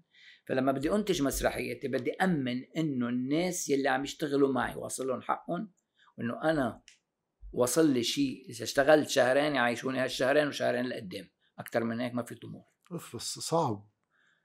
أنا نقيت. أي بس يعني قديش الواحد بده يكون بحب هالشغلة اللي يعملها ما بعرف ما بعرف. لك يلي بنقي ما بنقي. أنا نقيت فيني نقي غشي فيني ضلني بال... أنا علمت 19 سنة بالجامعة وتركت. ليش تركت؟ ليه؟ لأنه 19 سنة ما كان حدا يعطيني لا تفرغ ولا تثبيت. لأنه بعد 19 سنة لما طلبت التفرغ بيقول لي عميد الجامعة أستاذ والله شو بدي أقول لك أنت وقت تفرغ رفقاتك أنت ما عملت واسطة. كمان شو بتعمل طيب؟ شو بتعمل؟ يعني ما في بدك هيدي انت عايش هون بهيدي الجغرافيا بهيدي الشروط. ربنا خلق لك هالعقل وهالتفكير وهيدا بدك تمشي لطريقة تضل شوي محافظ شوي على مصداقية تجاه الناس اللي شايفينك منيح. مش ضروري يكونوا كتار. بينك وبين نفسك بتقوم الصبح. في أيام قصص بالبلد بتخلي الواحد آه، آه، يخوت يعني. مش هناك بيعمل مسرح. ما في إلا الأخوات بيشتغل هالشغله أنا بتذكر عملت مقابلة مع لبنان بعلبكي اللي هو الشيخ اوركسترا بقول لي إنه آه، بالكونسرفاتوار إذا ذكرتي صح مدير الكونسرفاتوار معلقة قصته لها سنتين ثلاثة ليش؟ لأن بدهم أرثوذكس. موسيقى. كونسرفاتوار إنه في قصص فوق يعني فوق قدرة لا مش فوق. أنت بدك تقيسها على أشياء بتعرفها. قيسها على أشياء بتعرفها بتقول إيه مزبوط ما أنا بهديك الشغلة هيك صار وبهديك الشغله هيك صار واحد وبهيدا المستشفى هيك صار وبهيداك ال الواحد بيتخيل إنه أوكي إدارة العامة تبع إيش بعرفني وزارة الأشغال وزارة كذا تقسيمة ما هون بالسياسة عم تشتغل direct بس موسيقى واوركسترا الوطنية إنه هي أوركسترا. آه هي أوركسترا كمان. هلا عم تنتقد لهم شغلهم عم عم بتسب بالعكس لا آه. طيب آه حبيت فترة ريمون جبارة آه وين بتحطها بمسيرتك؟ هل هي الفترة التأسيسية لإلك كحدا عم يشتغل بالمسرح تعلم فيه هذا الجانب كله آه، سوا؟ لك دائما بيحكوني عن أستاذ ريمون جبارة أنا ما بدي أنكر آه، الآخرين يلي اشتغلت معهم واللي علموني بالجامعة يعني مثل أنطوان ولطيفه ملتا لهم فضل كتير كتير كبير علي شكيب خوري موريس معلوف اللي جبت سيرتهم. لا سأبني حظ إنه ريمون جبارة كان عم يشتغل وأول مسرحية اشتغلتها معه كنت بعدني بالجامعة. وتاني مسرحية وثالث مسرحية ورابع مسرحية كل مسرحية تقريبا ما عدا آخر اثنين آه، كان عم بشتغل معه. مع ريمون آه، أكيد هي فترة تأسيسية لإلي كممثل بس ما كانت بس مثل كنت ب- بموازاة شغلي مع أستاذ ريمون كنت أنا عم بعمل مسرحياتي. بعد يعني. بذات الوقت تقريبا مش من 72 لا بس إنه آه إيه أكيد أكيد شغلي مع أستاذ ريمون مع كل رفاقنا يلي كانوا بال بيشتغلوا معه. آه أكيد كانت فترة تأسيسية. خاصة إنه أول تجربة لإلك بمهنتك إذا ما انبسطت فيها إيه، إذا ما. إذا ما لقيت إنه في حدا حاضنك من من زملائك اللي هن قبلك واللي هن معروفين أكثر منك حضنوك كواحد جديد بت بترجع بتنكمش وبتفل. إيه طبيعي. لا هيدي كانت فترة كتير مهمة خاصة أول مسرحية اشتغلتها معهم. و- وبالثمانينات كمان بالتوازي مع المسرح اللي كنت عم تشتغله وتمثل فيه آه، في محطات تلفزيونية. صارت تبين. آه، ككتابة وكتمثيل. تماما. إيه. آه، ما كتير استهواك التلفزيون على ما يبدو؟ بالعكس. أنا ما استهويت أنا ما استهويتهم. آه. كل فكر إنه بينعرض علي وأنا برفض. لا يا حبيبي. أنا بوقتها ما انعرض علي أشياء كثير أنا ما انعرض علي أشياء كثير اللي انعرض علي طبعا في أشياء قلت عنها لا. إيه. مش كثيره يعني يمكن شو عملت أنا؟ مسلسلين ثلاثة أربعة يمكن بالتلفزيون من ال 84 للتسعينات ما بعرف ليش. وفي برنامج شفت شيء منه على يوتيوب هيك مشاهد صغيرة. منه مسلسل شيء بيشبه منه late night show بس. في شيء هيك كنت قاعد وعم تحكي مع الكاميرا آه، برنامج ساخر وكأنه. قديش هذا الشيء يعني أنا بالنسبة لي كحدا حابب يعرف هول شو كان ينعرض قديش بيكون مزعج للي عامله؟ ولا هو الإكسبكتيشن من الأساس هيك فما بتنزعج؟ إمتى بلش التصوير بلش بوقت معين قبل ما كان في تصوير. بلش ب... بس حتى من وقت بلش التصوير. أنا حضرت مسرحية إنجازات حياة. بتحس إنه هاي لو مصورة خرج الناس بعدين ترجع تحضرها. ف آه، خليني أقول لك شغلة موقف شخصي جدا. إيه. أنا ما بحب صور مسرحيتي لاعرضها لحدا ليه؟ لأنه أنت قبل شوي كنت عم بتقول لما توقف على المسرح شو بتعمل؟ بوجهك وبصوتك آه بتحس إنه هاي مش لها. مبالغه مش هيك. إيه. تتوصل لآخر صف بالمسرح. صح. إذا أنت مش حاضر المسرحية وما بتعرف شيء عنها. جيت أنا عرضت لك الشريط. أنت بتقول مش منيح نفس منيح الشعور. اللي ما رحت لأنه لك في عم بيصرخ ولك في عم يعني بينما أنت شي مرة جربتها؟ شو؟ يعني صورت شيء إيه. وعرضته على ناس قراب لا لا لا لا عندي عندي قناعة. خلص. عم بنصور المسرحيات. موجودة عندي أرشيف أنا. آه. موجودة أرشيف. يلي بحب يشوفها. إذا حاضرها قبل يتذكرها ما عندي أيه. مشكلة. اللي بحب يعرفها كدراسة علمية يشوف شو الموضوع. ممكن مر آه، أحضره شيء بس عن جد هي ضد المسرح نفسه. خلي كانوا يصوروا مسرحيات يعرضوها تاني سنه على التلفزيون طب أنا عندي آه، تفسير منطقي شوي ما بعرف إذا أنت معي فيه. بيعملوا المسرحيات يجي التلفزيون يعطيهم دعايات مقابل الشريط. تماما ويعرضوه تاني سنه طيب. أول شيء ظروف التمثيل على المسرح من دون ميكرو من دون شيء مجبور أنت صوتك صوتك. يطلع أو كذا. بيجي ميكرو التلفزيون بياخدك. شو بصير؟ شيء عالي. انت وعم تحضر بتلاقي ناس عم بتصرخ أول شيء تاني شيء سنة الجاي اعمل مسرحية انت. بس يحطوا لها دعاية على التلفزيون. شو بدي أروح أنا؟ ما بكرة بيعرضوها. تماما. لا اقتصاديا بتناسبني لا فنيا بتناسبني ولا معنويا بتناسبني. مم. شو بدي فيها؟ أي تماما.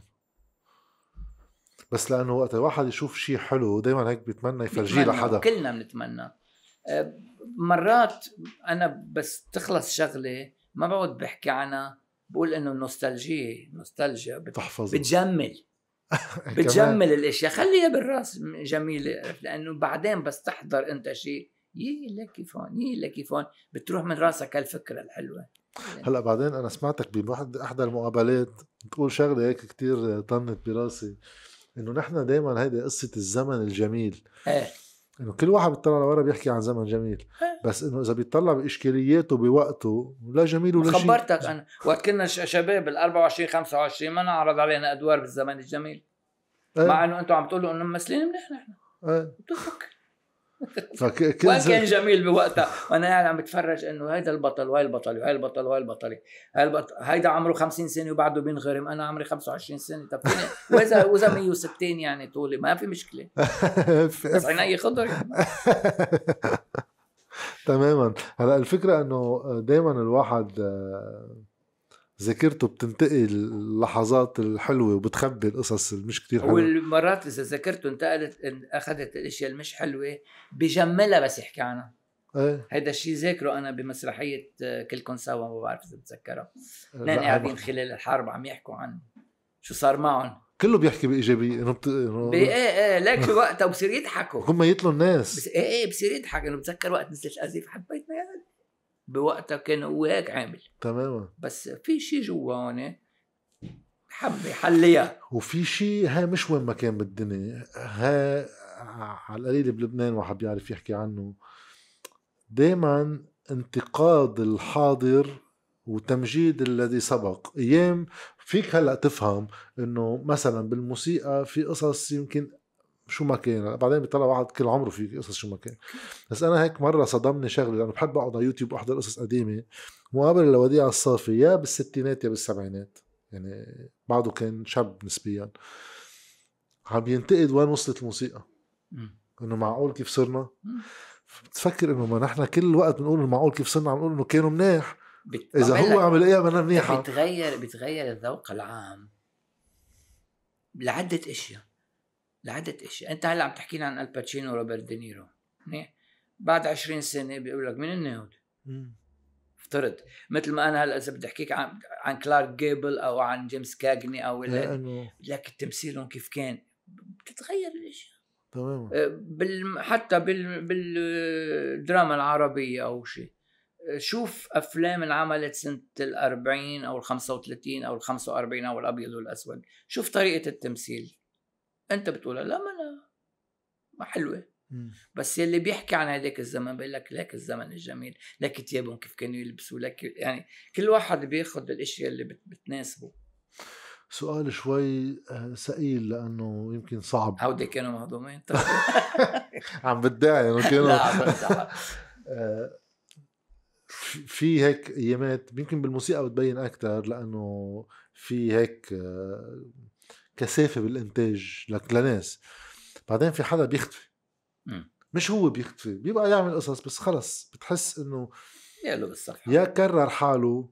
يا كانوا حلو يعني أنا ما بده واحد بس إنه مثلا بتذكر أنا بالتسعينات صلاح الشرنوبي. كان كل جمعتين في غنية وكله أغاني من بتونس بيك وكلام الناس وكذا فجأة بيروح في نظرية بتقول إنه آه، بالإبداع وقت واحد بده يكتب نص بده يكتب موسيقى بده يعمل هذا الشيء في محركات داخلية بتخلقه وفيها تطفي.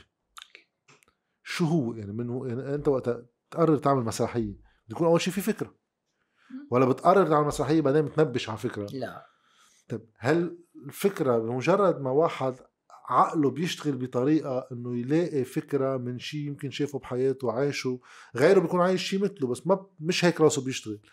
كيف معقول واحد يقول إنه خلص مبطل قادر يكتب مبطل عم يطلع معه شيء هيدي بتصير مرات خلال كتابة شيء تكون عم تكتب شغلة. سموها بالإنجليزي writer's block تكون عم تكتب تعمل block بتصير أنت تكبس على حالك وما بقعد يطلع شيء. إذا تركتها وزتيتها ما بتعرف إمتى يمكن مرات أنت عم بتسوق مرات حاطط راسك على المخدة مرات أنت عم تتغدى مرات أنت وما بعرف وين. بتعمل هيك؟ بتجيب الورقة والقلم وبتمشي تمشي فيها. ما بعرف ما بعرف بس ما يمكن مش عم بفسر بس ما بعرف هل بيولوجيا مرات بعد وقت معين بعمر معين بتخفت قدرة الإنس... بعض الإنسان استنادا لا يمكن ضعف معين آه، جسد يمكن بدورة الدموي بالدورة الدموية بالشرايين ما بعرف. ليش واحد بيكون فجأة كتير منيح فجأة إذا فقع شريان هالقد صغير معه بيروح منه أشياء. فيلي عم يبدع واللي عم يكتب واللي عم يكتب واللي عم يشتغل كمان بدي أقبل أنا انه ما بتعرف شو بصير معه مرات. يا ريت تمني إنه وقت واحد إنه واحد بس يصير معه هيك أو ينتبه إنه يصير معه هيك يعرف يضرب فريم أو يلي حواليه يقعدوا. بس كرماله. في ثقة ببعض منيح تقولوا له هيك شغلة ويتقبلها الواحد. إيه إيه صعب يعني وهيدي هيدي افتكر حالات خاصة وشخصية يعني ما بتقدر تنقل اللي صار مع فلان على اللي صار مع فلان أو اللي ممكن يصير مع فلان بس هيدا أكيد موجود. بدنا نقبل بوقت من الأوقات مثلا إنه أنا ما بقى قادر لنقول أحفظ أدوار كبيرة لأنه تعبت. تعبت. يعني بدي أقبلها براسي. إذا قدرت أقبلها براسي كثير منيح إذا لأ صعبة. ببين القشطة. صعبة صعبة. صعبة إنك تحس إنك منك قادر تعمل شغلة وتكون عم بتقاوم تتعاملها. كثير صعبة. ايال نادر أكثر آه، مع إنه عم بحكي اشتغلت فترة كتابة برامج تلفزيون وأول هيك سؤال سألته ليش طلبوا مني إلي؟ أنا جاي من محل ما عندي ولا تجربة أول مرة. كان تقديري بوقتها إنه أوكي يمكن شافوا في شيء بيخدم الفكرة اللي هن عم بيعملوها ولا كانوا حكوا حدا غيري. بس بنفس الوقت حسيت بالكتاب في شح. هيدي ما بعرف يعني واحد شو بيف يعني إذا واحد حابب يعمل كاتب خاصة إذا مسرحي تلفزيوني كذا شو بيروح على الجامعة؟ شو بيتعلم؟ ماشي. لا أقول لك ليش؟ لأنه ما في عنا لحد ما أنا بعرف. هلأ ما بعرف يمكن صار في ما في عندك اختصاص script writing بالمعنى الأساسي. في منه برا؟ بتاخذ إيه بتاخذها ك كورس آه، يمكن ضمن اختصاصك. إيه. موجودة. آه، في آه، عم بينعمل مرات ورك شوبس هون من ناس اختصاصيين دارسين برا وجايين لهون. إذا أنت عبالك تكتب وعندك فكرة تطورها موجودة.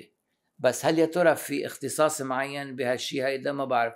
آه، في أكيد في صناعة معينة في ابسي للأشياء خطوات لازم تعملها. يمكن يمكن على الإنترنت بتقدر تلاقي يمكن بتقدر تشتري شو اسمه. إيه حتى أنا وقت اشتريت كتب بس إيه إيه بتقدر. بتقدر بتقدر أكيد بتقدر. بس قديش هالشيء بمشي بمشي لك المهني حياتك المهنية بهالاتجاه ما بعرف. شح مع عنا كتاب ما بفتكر مقولة مزبوطة مية بالمية. في كتاب يمكن بس بعد ما حدا حفزهم أو نبشهم أو جرب معهم. انت قلت شغلة إنه قالوا لك تكتب مع إنه أنا ما عندي تجربة. طب ما هي شو معنت مع... شو معنت تجربة؟ إيه تجربة بدها أول مرة. صح. أوكي. ما تيصير عندي تجربة. لازم جرب بس قصدي كنا عم نحكي بهيدي كلمة job description إيه.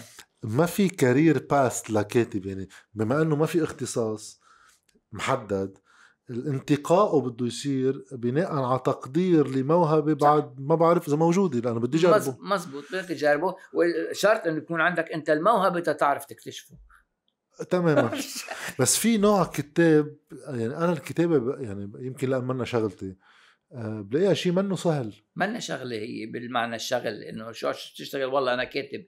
بتكتب هلأ بس بعدين يمكن بعد ست أشهر ما, يطلع معك شيء إيه بس في بتصير بتصير مش تكتب بتصير تعمل copy paste على أشياء. في ناس بفقسوا يعني بت- إيه. لا لا قديش وقت؟ هلا بعدين بتكتشف إنه بيستلهموا شيء من برا بيغيروا فيه شوي لأنه مستحيل واحد بتصير كل يوم صناعة بتصير صناعة. يعني تماماً. أنت اللي عم تحكي عنه عم تحكي عن آه، خلق عن ما بفتكر بعصرنا الحاضر في منه. وين ما كان. اللي عم بيصير بغير مطارح وجرب بلش يصير هلأ ما بعرف أنا ما إني مجربه. هو الكتابة يعني بيجي شخص بيطرح فكرة بيعملوا فريق عمل كأفكار بس دائما في آه، الكاتب الأساسي أو بسموه صاروا يسموا لهم أسامي بالإنجليزي كثير مهضومين script doctor إيه يعني بي يعني هيدي أشياء جديدة موجودة ما فينا ننكر وجودها. ما بعرف اللي عم بيجربوها لازم نقعد معهم ونشوف مدى مدى نجاحها. مم. أنا واقف مع الزمن يمكن بوقت إنه الكاتب هو اللي بيحصل الخير آه، بيكتب وأسلوبه هو ذاته اسلوبه يعني في أسلوب معين تكتب لشخصيات. في مطارح لا. كل خاصة بالسيت كوم صار إنه كل شخص بيكتب يمكن لشخصية معينة. إيه. فهيدي تحترم لأنها تدرس وبتنشغل. أنا ما عندي فكرة عنها. حتى في قصص بالكوميدي إنه بنكتب شغلة وبنقطعها على شو اسمه focus group. مثلا إيه، نشوف إذا بيضحكوا على ما بيضحكوا اللي معه وقت يعملها ومعه إنتاج بس هيدا دايما أنا السؤال معه تفرغ. هذا السؤال بسأله دايما لأنه هيك دايما إشكالية عندي. قديش واحد لازم يخضع هالفكرة اللي إجته لرأي الناس؟ أنا بدي الناس تحبها بس ما بدي يكون أسير لرأي الناس. يعني ما هو مين focus group إنه ما بعرف هذا الشيء قديش شيء منيح. وأنا كمان صدقني أنا ما بعرف لأنه عن جد هي هي النوع من الثقافة هيدي ما فينا نجيبها من مطرح ون- ونكبها عنا آه، هيك مثل ما هي. لأنه بيجي بيقول لك okay بدك تخضع على focus group بس ما هيدا ابن خالته مقتل مع خالي إنه بده يقول لي لا يعني إيه. ما يعني بعد الانا موجودة. ومنا من تراثنا هاي الشغلة. بس بده يجي وقت تصير. إذا حدا حابب يجرب وقادر يجرب كتير كتير كتير منيح. يعني خاصة إذا بيعطينا نتيجة التجربة بعد كذا عمل. نتيجتها يخبرنا إنه زبطت ولا ما زبطت معي. سؤال أخير بس بهذا البارت. بعد رح أحكي شوي عن الكوميديا لأنه بيت خالتي ونية للبيت. وحتى جزء من أعمالك مسرحية بيكون لها هيدا الحس. أكيد المسرح. بس بالمسرح نفسه آه في شيء تغير بالمضمون بعد الحرب؟ يعني في شيء يعني مثلا رح أحكي عن شيء آه، سامعينه مثلا زياد الرحباني بالحرب مسرحياته حتى باللغة آخذ راحته يعني بفكرة وباللغة. في شيء وقتها بالحرب بتكون القصص فالتة. بتتيح إنه المضمون كمان ياخد راحته وقتها يصير في سلم يعني في نظام يعني في قانون يعني في دولة يعني في رقابة بيتغير؟ شو بتقصد أخذ راحته؟ يعني آه نسي قصة المسبات لأنه هلأ حتى في قصص بتقطع. بس فكرة هذا المسلم والمسيح اللي بيحكوا عن دينه ودينك وكذا هلأ شغلة أصغر على التلفزيون بتقطع بتقوم القيامة عليها. هل المسرح هو محل سيف؟ قبل بالحرب وبعد الحرب تحكي فيه اللي بدك إياه أكثر من. التلفزيون؟ بتمنى إيه بقول لك آه، بكل بساطة إذا عم تسألني لإلي رأيي المسرح أنت ما تعديت على حدا ورحت لعنده هو لعندك. اجى لعندي. ودفع مصاري أو انعزم وجا لعندك. تلفزيون أنت بدك تفوت على البيت. هلأ في مقولة شوي كلاسيكية بس بعتمد أنا هلأ يمكن بيضحكوا علي بس اللي بحب يفوت على بيتي أنا بس أكتب فوتوا على بيت الناس. مم. بالتلفزيون أنا برأيي غير وضع.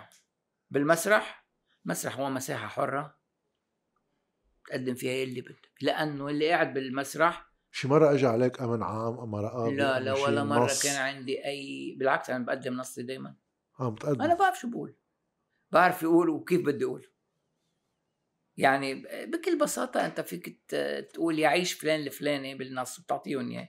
بتقولها على المسرح يعيش فلان الفلاني بس بتقولها بطريقة مسبة. هي ذاتها. آه، ذاتها ذاتها. بحركة معينة ب... ب... آه لا أنا ولا مرة كان عندي مشكلة. آه خاصة إنه بالمسرح أو بمطلق أي مطرح شخصيات عم تحكي فيه عم تحكي. إذا قالت أي كلمة ضمن سياق ما ممكن تقول إلا هالكلمة الكلمة لا تخدش احدا صدقني. ما بتخدش حدا. حتى لو مسبه شو ما كانت. مم. لأنه ما أنت عم تح... إذا أنت في... فوتك معه المؤلف أو المخرج بسياق الخبرية. وهودي صرت تعرف مين هو الشخص ومين هي الشخصية الثانية وعم يحكوا وعم يحكوا وعم يحكوا وقال كلمة. أنت مت... ما متوقع منه عكس هالشيء.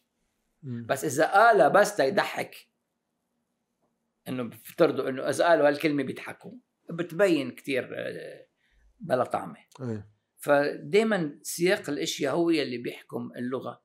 فالمسرح مطرح حر وعتم ومضوع على الممثلين. ساعة اللي بدك فيك تحمل حالك وتفل. وإنت جاي لعندي بس أنا لما أروح عندك على البيت أنا بدي انتبه شو عم بيصير هلأ عم بتقلي هلأ بالتلفزيون بتقوم القيامة. لما بالزمانات كان عندنا 10 12 ناقد. هلأ صار في عندك 3 ملايين ونص ناقد. شو بدك فيك ترضي الكل؟ مين ما بده بيفتح صفحة وبيكتب كلمات بيكتب يلي بده إياه عن هالشغلة هيدي. وخلصت. بيكتب اللي بده. إذا بدك تأيد على كل شيء بينحكى وهيدا رد على هيدا وهيدا حكي مع هيدا وهيدا سب هيدا ما بتقعد تعمل شيء. أيام أنا بسأل حالي شو الجدوى إنه واحد يسأل حاله أصلا إذا هيدا الشيء منيح ولا عاطل. ما ابدا. هيدا موجود. ما تشوف شو بدك تعمل ما معه. بتسأل حالك أنت أنت عم بتقدم شيء بتعمله لا إنه فكرة إنه صار في social media وكل الناس بتحكي في ناس آه، يمكن مخوف موجود. خلص طالما موجود. موجود موجود. ليش؟ إذا أنا بتأثر كتير فيه ما بقرأ. إذا بيعني لي عم بينتقد شغلة لإلي أنا ما بقرأ. ما بقرأ يعني بسكر. بسكر. بس لما بدي فوت أقرأ ما بتقعد تعرف حالك كيف بدك تشتغل بعدين. هي ما بتقدر تخلص. أو إذا أنا برات اللعبة كلها سوا بقرأ تشوف مع أي ناس أنا عايش وإذا يوما ما بدي أقدم شيء هودا الناس اللي بدهم يشوفوه. مأزية. يعني في محل كمان انت بتختار جمهورك. يعني إذا بدك تقرأ بالمسرح إيه. وبالمطلق يعني أنا مثلا هيدا آه، بالكوميدي لوي سي كي بيحكي شغلة مرة بمقابلة آه، كانوا شخصين عم يعملوا مقابلة مع جو روجن الشخص الثاني كل الوقت مستحي. ولوي سي كي لا مشهور أكثر شوي أخذ راحته وشرعيته قوية إنه هذا الشخص الثاني كل الوقت يقول إنه بقول هاي و- عم بيقول على الميكرو. إنه بقولها ولا ما بقولها وكذا. قالوا ليش ما بتقولها؟ قولها قالوا عم بتطلع على تويتر كل شوي عم شوف ناس عم تحكي وكذا. بيجاوبوا جواب لوي سي كي بيقول له إنه أنا رأيي تصرف غير مسؤول يعني ممنوع تعمله إنك أصلا تشوفه الناس. أنت عم تعمل عم تعمل stand-up comedy على مسرح. أنت تجاه هالناس اللي عم تدفع حق ال ticket ويجوا يحضروك إذا بتعمل censure لحالك إذا بتعمل رقابة لحالك لأنه على تويتر ناس غيرهم حكيوك أنت غير مسؤول. تجاههم مزبوط ما هذا انت هيدا جمهورك هيدا عم لك. هيدي مرة كنا ب- بإحدى العروض لفيلم قضية رقم 23 إيه. وقت كنا هون وقت كان زياد دويري. ودويري وكلهم عملوا كذا عرض مع الناس بعد الحفلة بعد العرض Q and A واحد قام حكي حكي حكي وقال إشياء معه إشياء ضده إشياء ضده قالوا له شو رأيك؟ قال ما رايي شيء هو دفع حق ال ticket. أنا خلصت الفيلم. دفع حق ال ticket. فات قال رأيه هيدا حقه. خلصت. أنا ما ما بقدر غير شيء وهو ما بقدر يغير شيء بالموجود. أنا أعطيت عملت الفيلم هو أعطى رأيه. بهالبساطة هي إيه. ما بقول لك إنه ما بقى تقرا شو عم بيصير أو تعرف شو عم بيصير. إذا هالشيء ممكن يعمل لك فريمات تماما. للي عم تشتغله. تماما. رح نحكي شوي بالكوميدي مم. كان في فترة براسي ويمكن واحد يرجع يشتغله لأنه الفكرة بعدها براسي حلوة. واحد يعمل وثائقي يحكي فيه شوي عن الكوميديا. بسؤال شو اللي بيضحك الناس وليش؟ لأنه أيام بسمع كثير عن شو شو أكيد للناس اللي جاية لشوشو كان بوقتها أيام بشوف أنا قصص لشوشو بفهم إنه بوقتها غير ظرف. بس في قصص بتسأل حالك إنه هاي كيف ضحكت الناس؟ وشو الشيء اللي بيحول مكان الكوميديا أما طريقة تعبيره من مسرحية وحتى بالحرب بقيوا المسرحيات جزء أساسي. بعدين بيبقى الموقع كمسرح هو ال emplacement يعني هو المكان بس صار شيء اسمه chansonnier وبعدين بيطلع stand-up comedy وعم بيقدر بعدين يفسرها إنه يمكن مستوردة مشيت برا فنحن بنصير نعملها. بس بعدين بتطلع حتى بالمضمون. شو الشيء اللي بيضحك؟ مش نفسه ابدا مش نفسه. وقتها انت عم تكتب شيء مثلا إذا عملت مسرحية عم بفترض بال 2010 فيها تكون فيها جانب كوميدي. أما عم تكتب بيت خالتي 87 88 89 هالفترة. بالنسبة لإلي. شو اللي بضحك وليش؟ أه منطلق العمل ما بدك تقول أنا بدي أعمل عمل تيضحك في في خاطره في بين ضحك وفرح. إيه. أنا بحب اللي عم يحضر عمل لإلي يطلع مبسوط فرحان حتى لو العمل آه، ببكي. كيف يعني؟ إنه أنا فتت كل الوقت معك.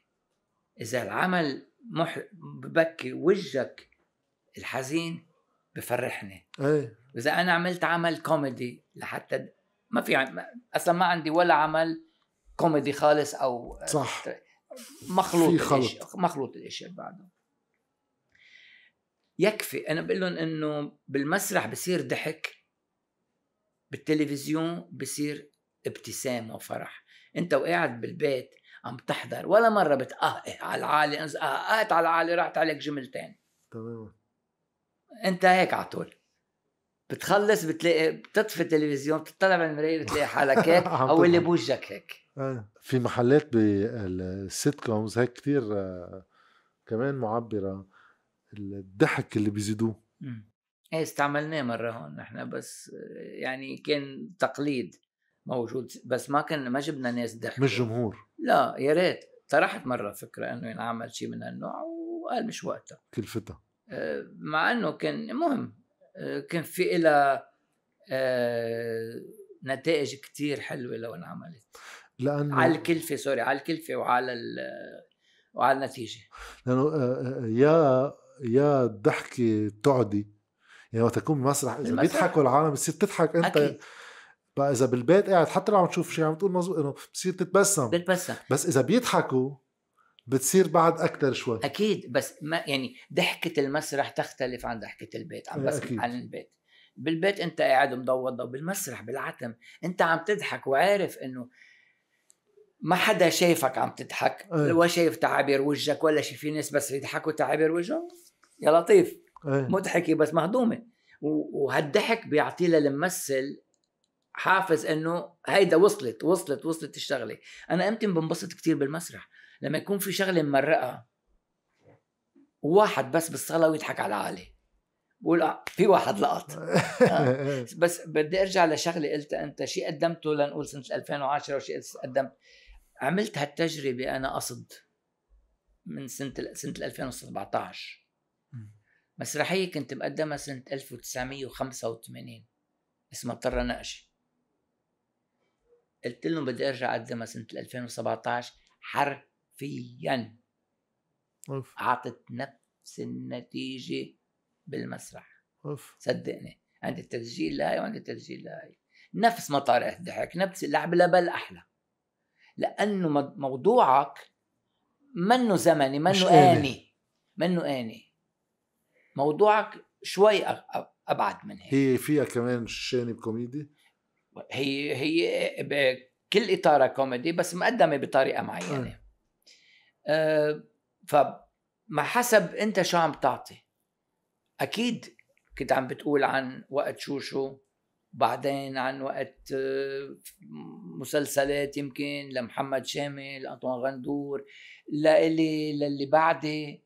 أه تختلف نظرة الناس لأنه يمكن الإطار الاجتماعي يختلف يمكن الذوق العام يختلف. كنا عم نحكي قبل عن عن المبالغة هي التمثيل والإشياء هلأ أنت عم تحكي إجت فكرة ببالي لأنه وقت عم بحكي عن شوشو مع إنه شوشو واجه إشكاليات في قصص منعت وكذا بس بتذكر أبو سليم. بينحكى كثير بأبو سليم. هلأ وقت أنا أحضر أبو سليم تفهم إنه بوقته بس إنه تغير شوي الزمن. بس وين بحس أنا بيفرق مع الزمن؟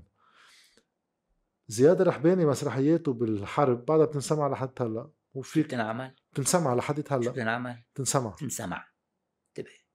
كفي آه. مسرح بينقشع بس هو سجل. إيه. هي طريقه إيه. هي بس مش معناتها الطريقة الصحيحة. إيه مش الأصح يعني. إيه طبعا. المسرح لازم لازم يعني ينحضر. ولا هو معمول لينحضر أكيد. بس قصدي التفاعل معه بتلاقيه بعده موجود.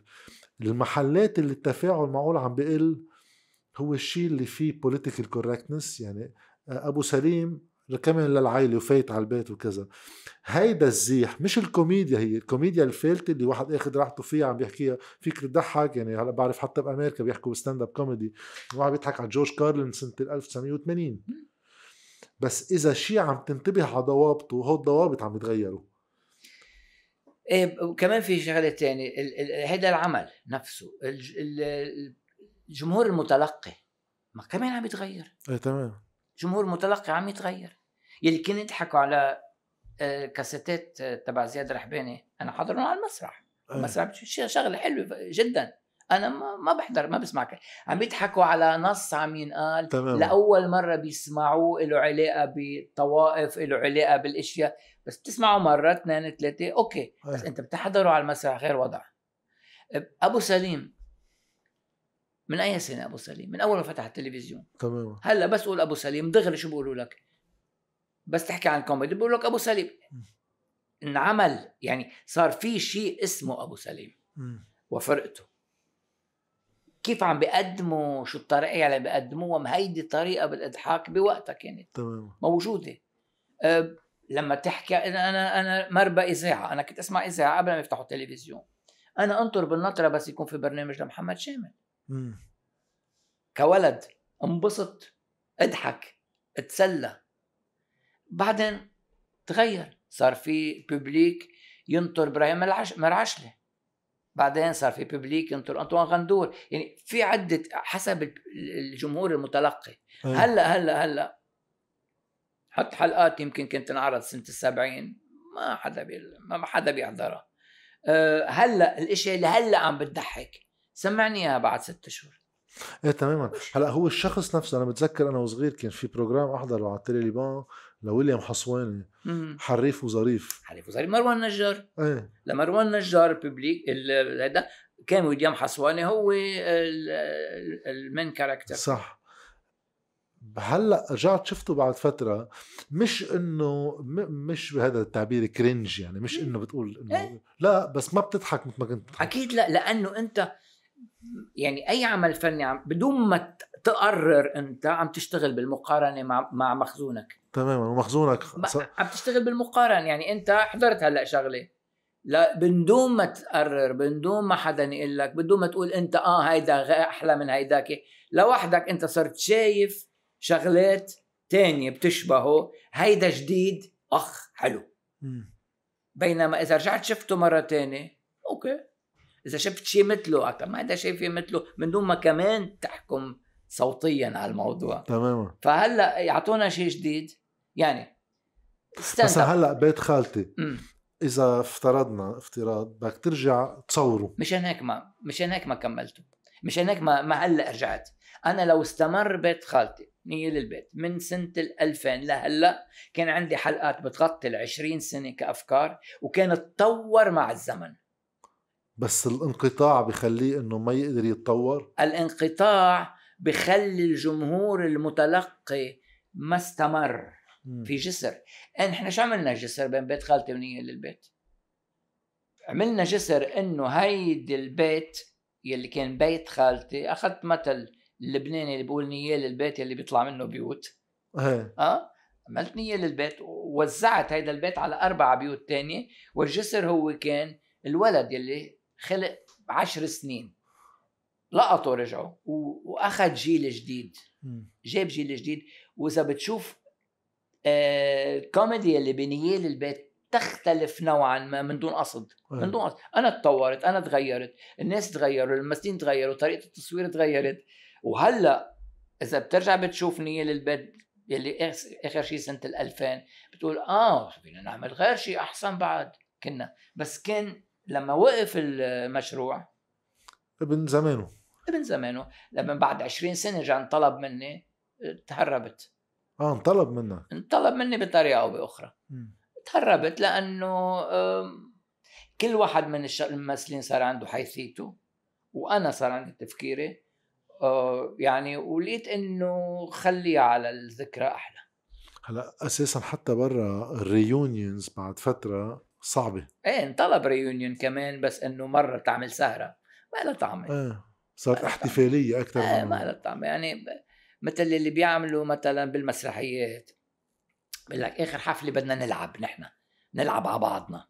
الممثلين. آه. نعمل آه. مقالب. قلت لهم إذا بتأمنوا إنه كل يلي بالصالة حاضرين المسرحية قبل هيك. بتصيروا يضحكوا على اللي عم تعملوه إذا أنتم عملتوا أنتم بتضحكوا لوحدكم. إيه هاي نكتة inside jokes إيه اسمع الخبريه واضحك يعني. عمل لك علي شوي. أنت عم تضحك. أنا ما تقول لي اسمع الخبريه واضحك أيه. خبرني إياها بشوف إذا بضحك أو لا. تماما. طيب تنختم هيك في عندي آه، سؤال شوي بيوصل بين بدايتك ب وقت عملت الخيار إنك تفوت على كلية الفنون.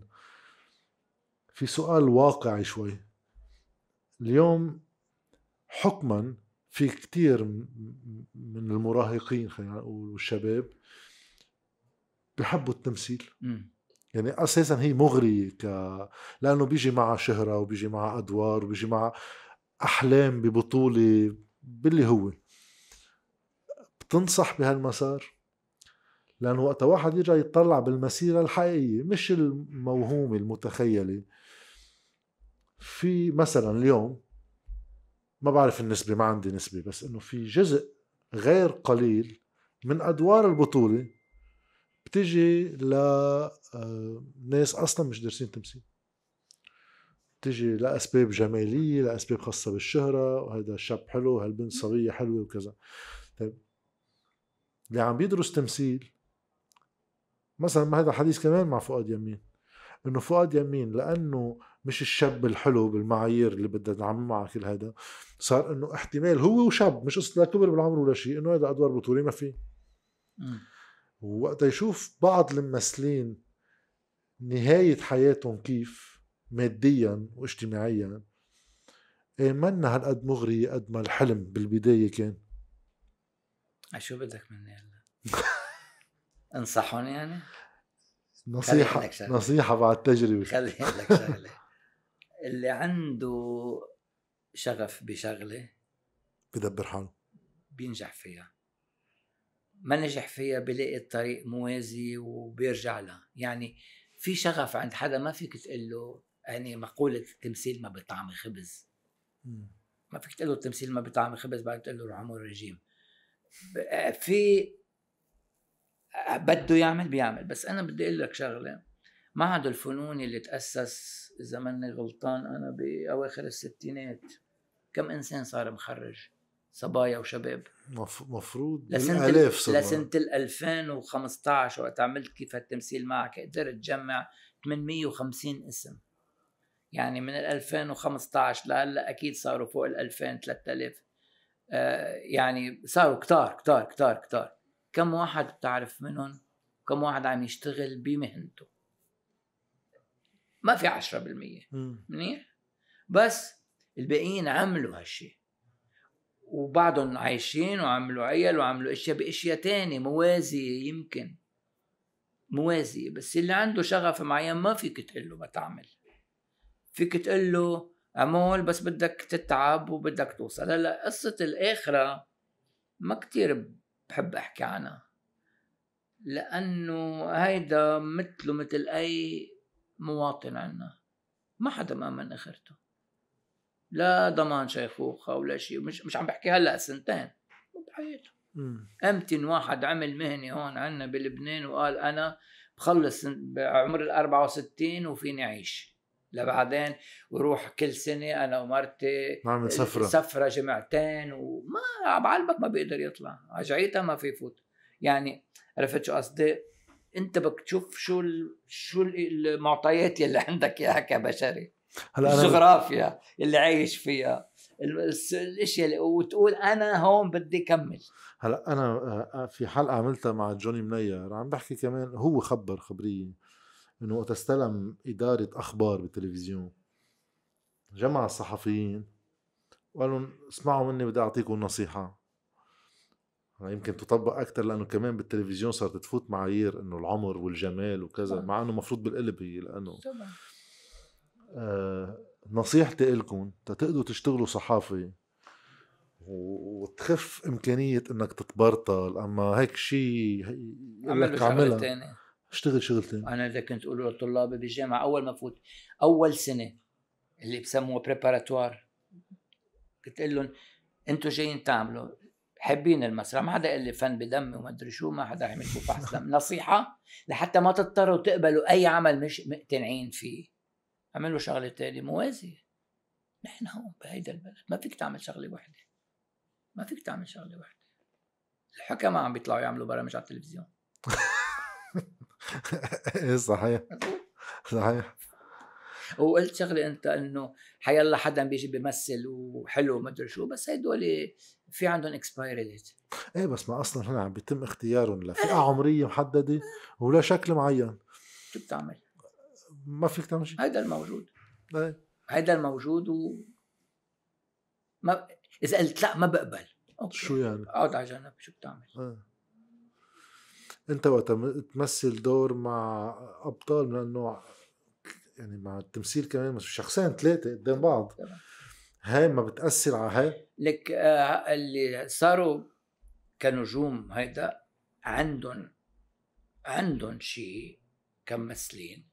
بخليهم عندهم خبرة. صار عندهم خبرة معينة بتقدر توقف أنت وياهم يعني آه، بالتوازي مع احترامي للكل. أنا اللي بيقهرني أكثر إن الأدوار الثانية والثالثة والرابعة يلي إيه، بيجيبوا حي الله حدا. في أيام بيجي بيقول جملة كأنه عم يقريها. مزبوط. الممثل القوي ما في شيء الممثل الضعيف الممثل الضعيف بهبط الممثل القوي.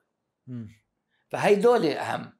إذا بتاخذ فلانة لأنها حلوة ولأنها بس هيدي صار عندها خبرة وعم بمرنوها وعم بظبطوها بتوصل على الست جاهزة وعم تحترم الشخص اللي قدامها وعم تحترم خبرته وبتاخذ منه. جرب معهم يعني كلهم عسلمتهم بدون ذكر أسماء. أه بس اللي بده شغل أكثر إنه روحوا على معاهد الفنون وجيبوا لنا ممثلين يقولوا دور في أربع جمل بس بيعرفوا يقولوه. مش حيالله واحد عن الطريق تجيبه لأنه تعمل له حكيم طالع عم بيقول لك إنه مات الزلمة بقول لك إياها إنه حافظها وبقول ما أنت كيف بدك تبكي؟ إيه تماما. آه آخر سؤال. آه بما إنه آه رحتوا كفريق على الاوسكارز بذا انسلت بس بالمشهدية العامة شو بتحمل معها هاي التجربة؟ يعني وقت واحد يروح والعالم التمثيلي الأول هيك كيف في عالم أول وعالم تاني وعالم تالت موجود كله هون.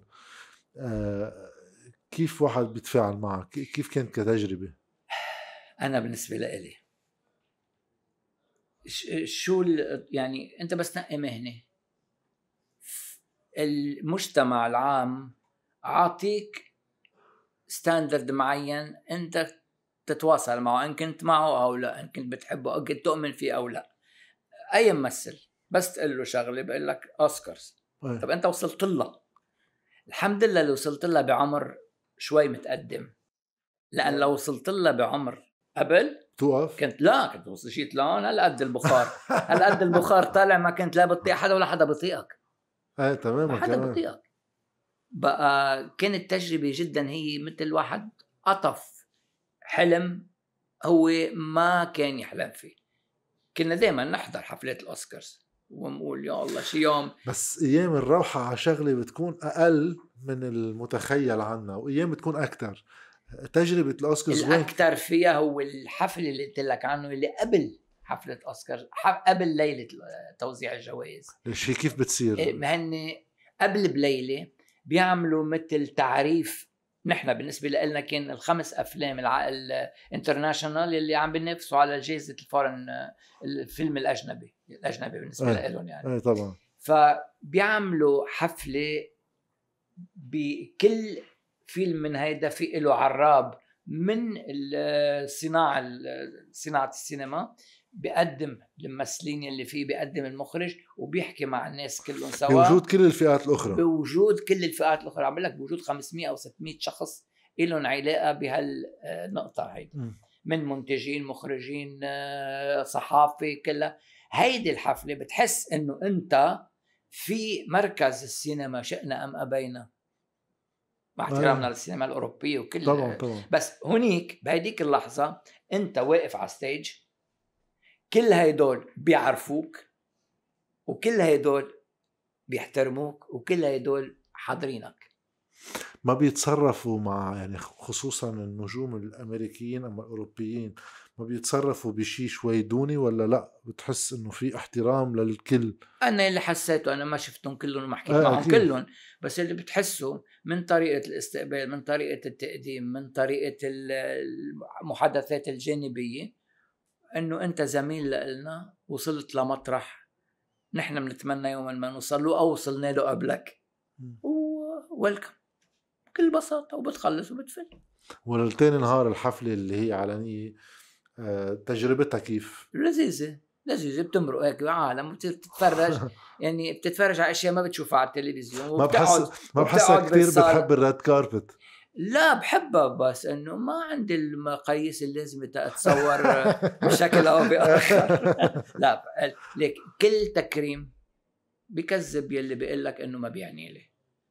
التكريم اللي بتحسه صادر من القلب. تماما هذا كان جاي لك. لأنه في تكريمات تكريم تجارية. الصادر عن عن قناعة إنه آه، ميرسي. يعني أنا كثير انبسطت بال 2013 وقت اندعيت على مهرجان دبي السينمائي. كنت مشترك بفيلم طويل لمحمود حجاج وفيلم قصير لتوفيق خريش. وقاعدين بالصالة وقت توزيع الجوائز. أنا ما قاعد. وإذ بيطلعوا بيقولوا الجائزة الوحيدة اللي راح تتقدم لممثل عن فيلم قصير واللي ما راح تتقدم بقى بمهرجانات ولا تقدمت قبل هي لفلان الفلاني ومتفضل. لا لك هو ما حدا حكي فيها بس مش مشكلة. لا بس هو أكيد آه، بحب تقديري ما عشت ما. عشت هيك شغلة. بتنبسط فيها بس- بشوفك وبقدرك وأنت الظاهر بتشوفني وبتقدر آه، لا جد عم هاي كثير حلوة. أكيد لأنه فعليا وقت واحد آه، يعني هذا الشعور دائما إنه ليش معقول يحكوا لا لا لازم. إنه إيه أقل- نحكيها تنسمع الاشياء الأحلى. حاضرين.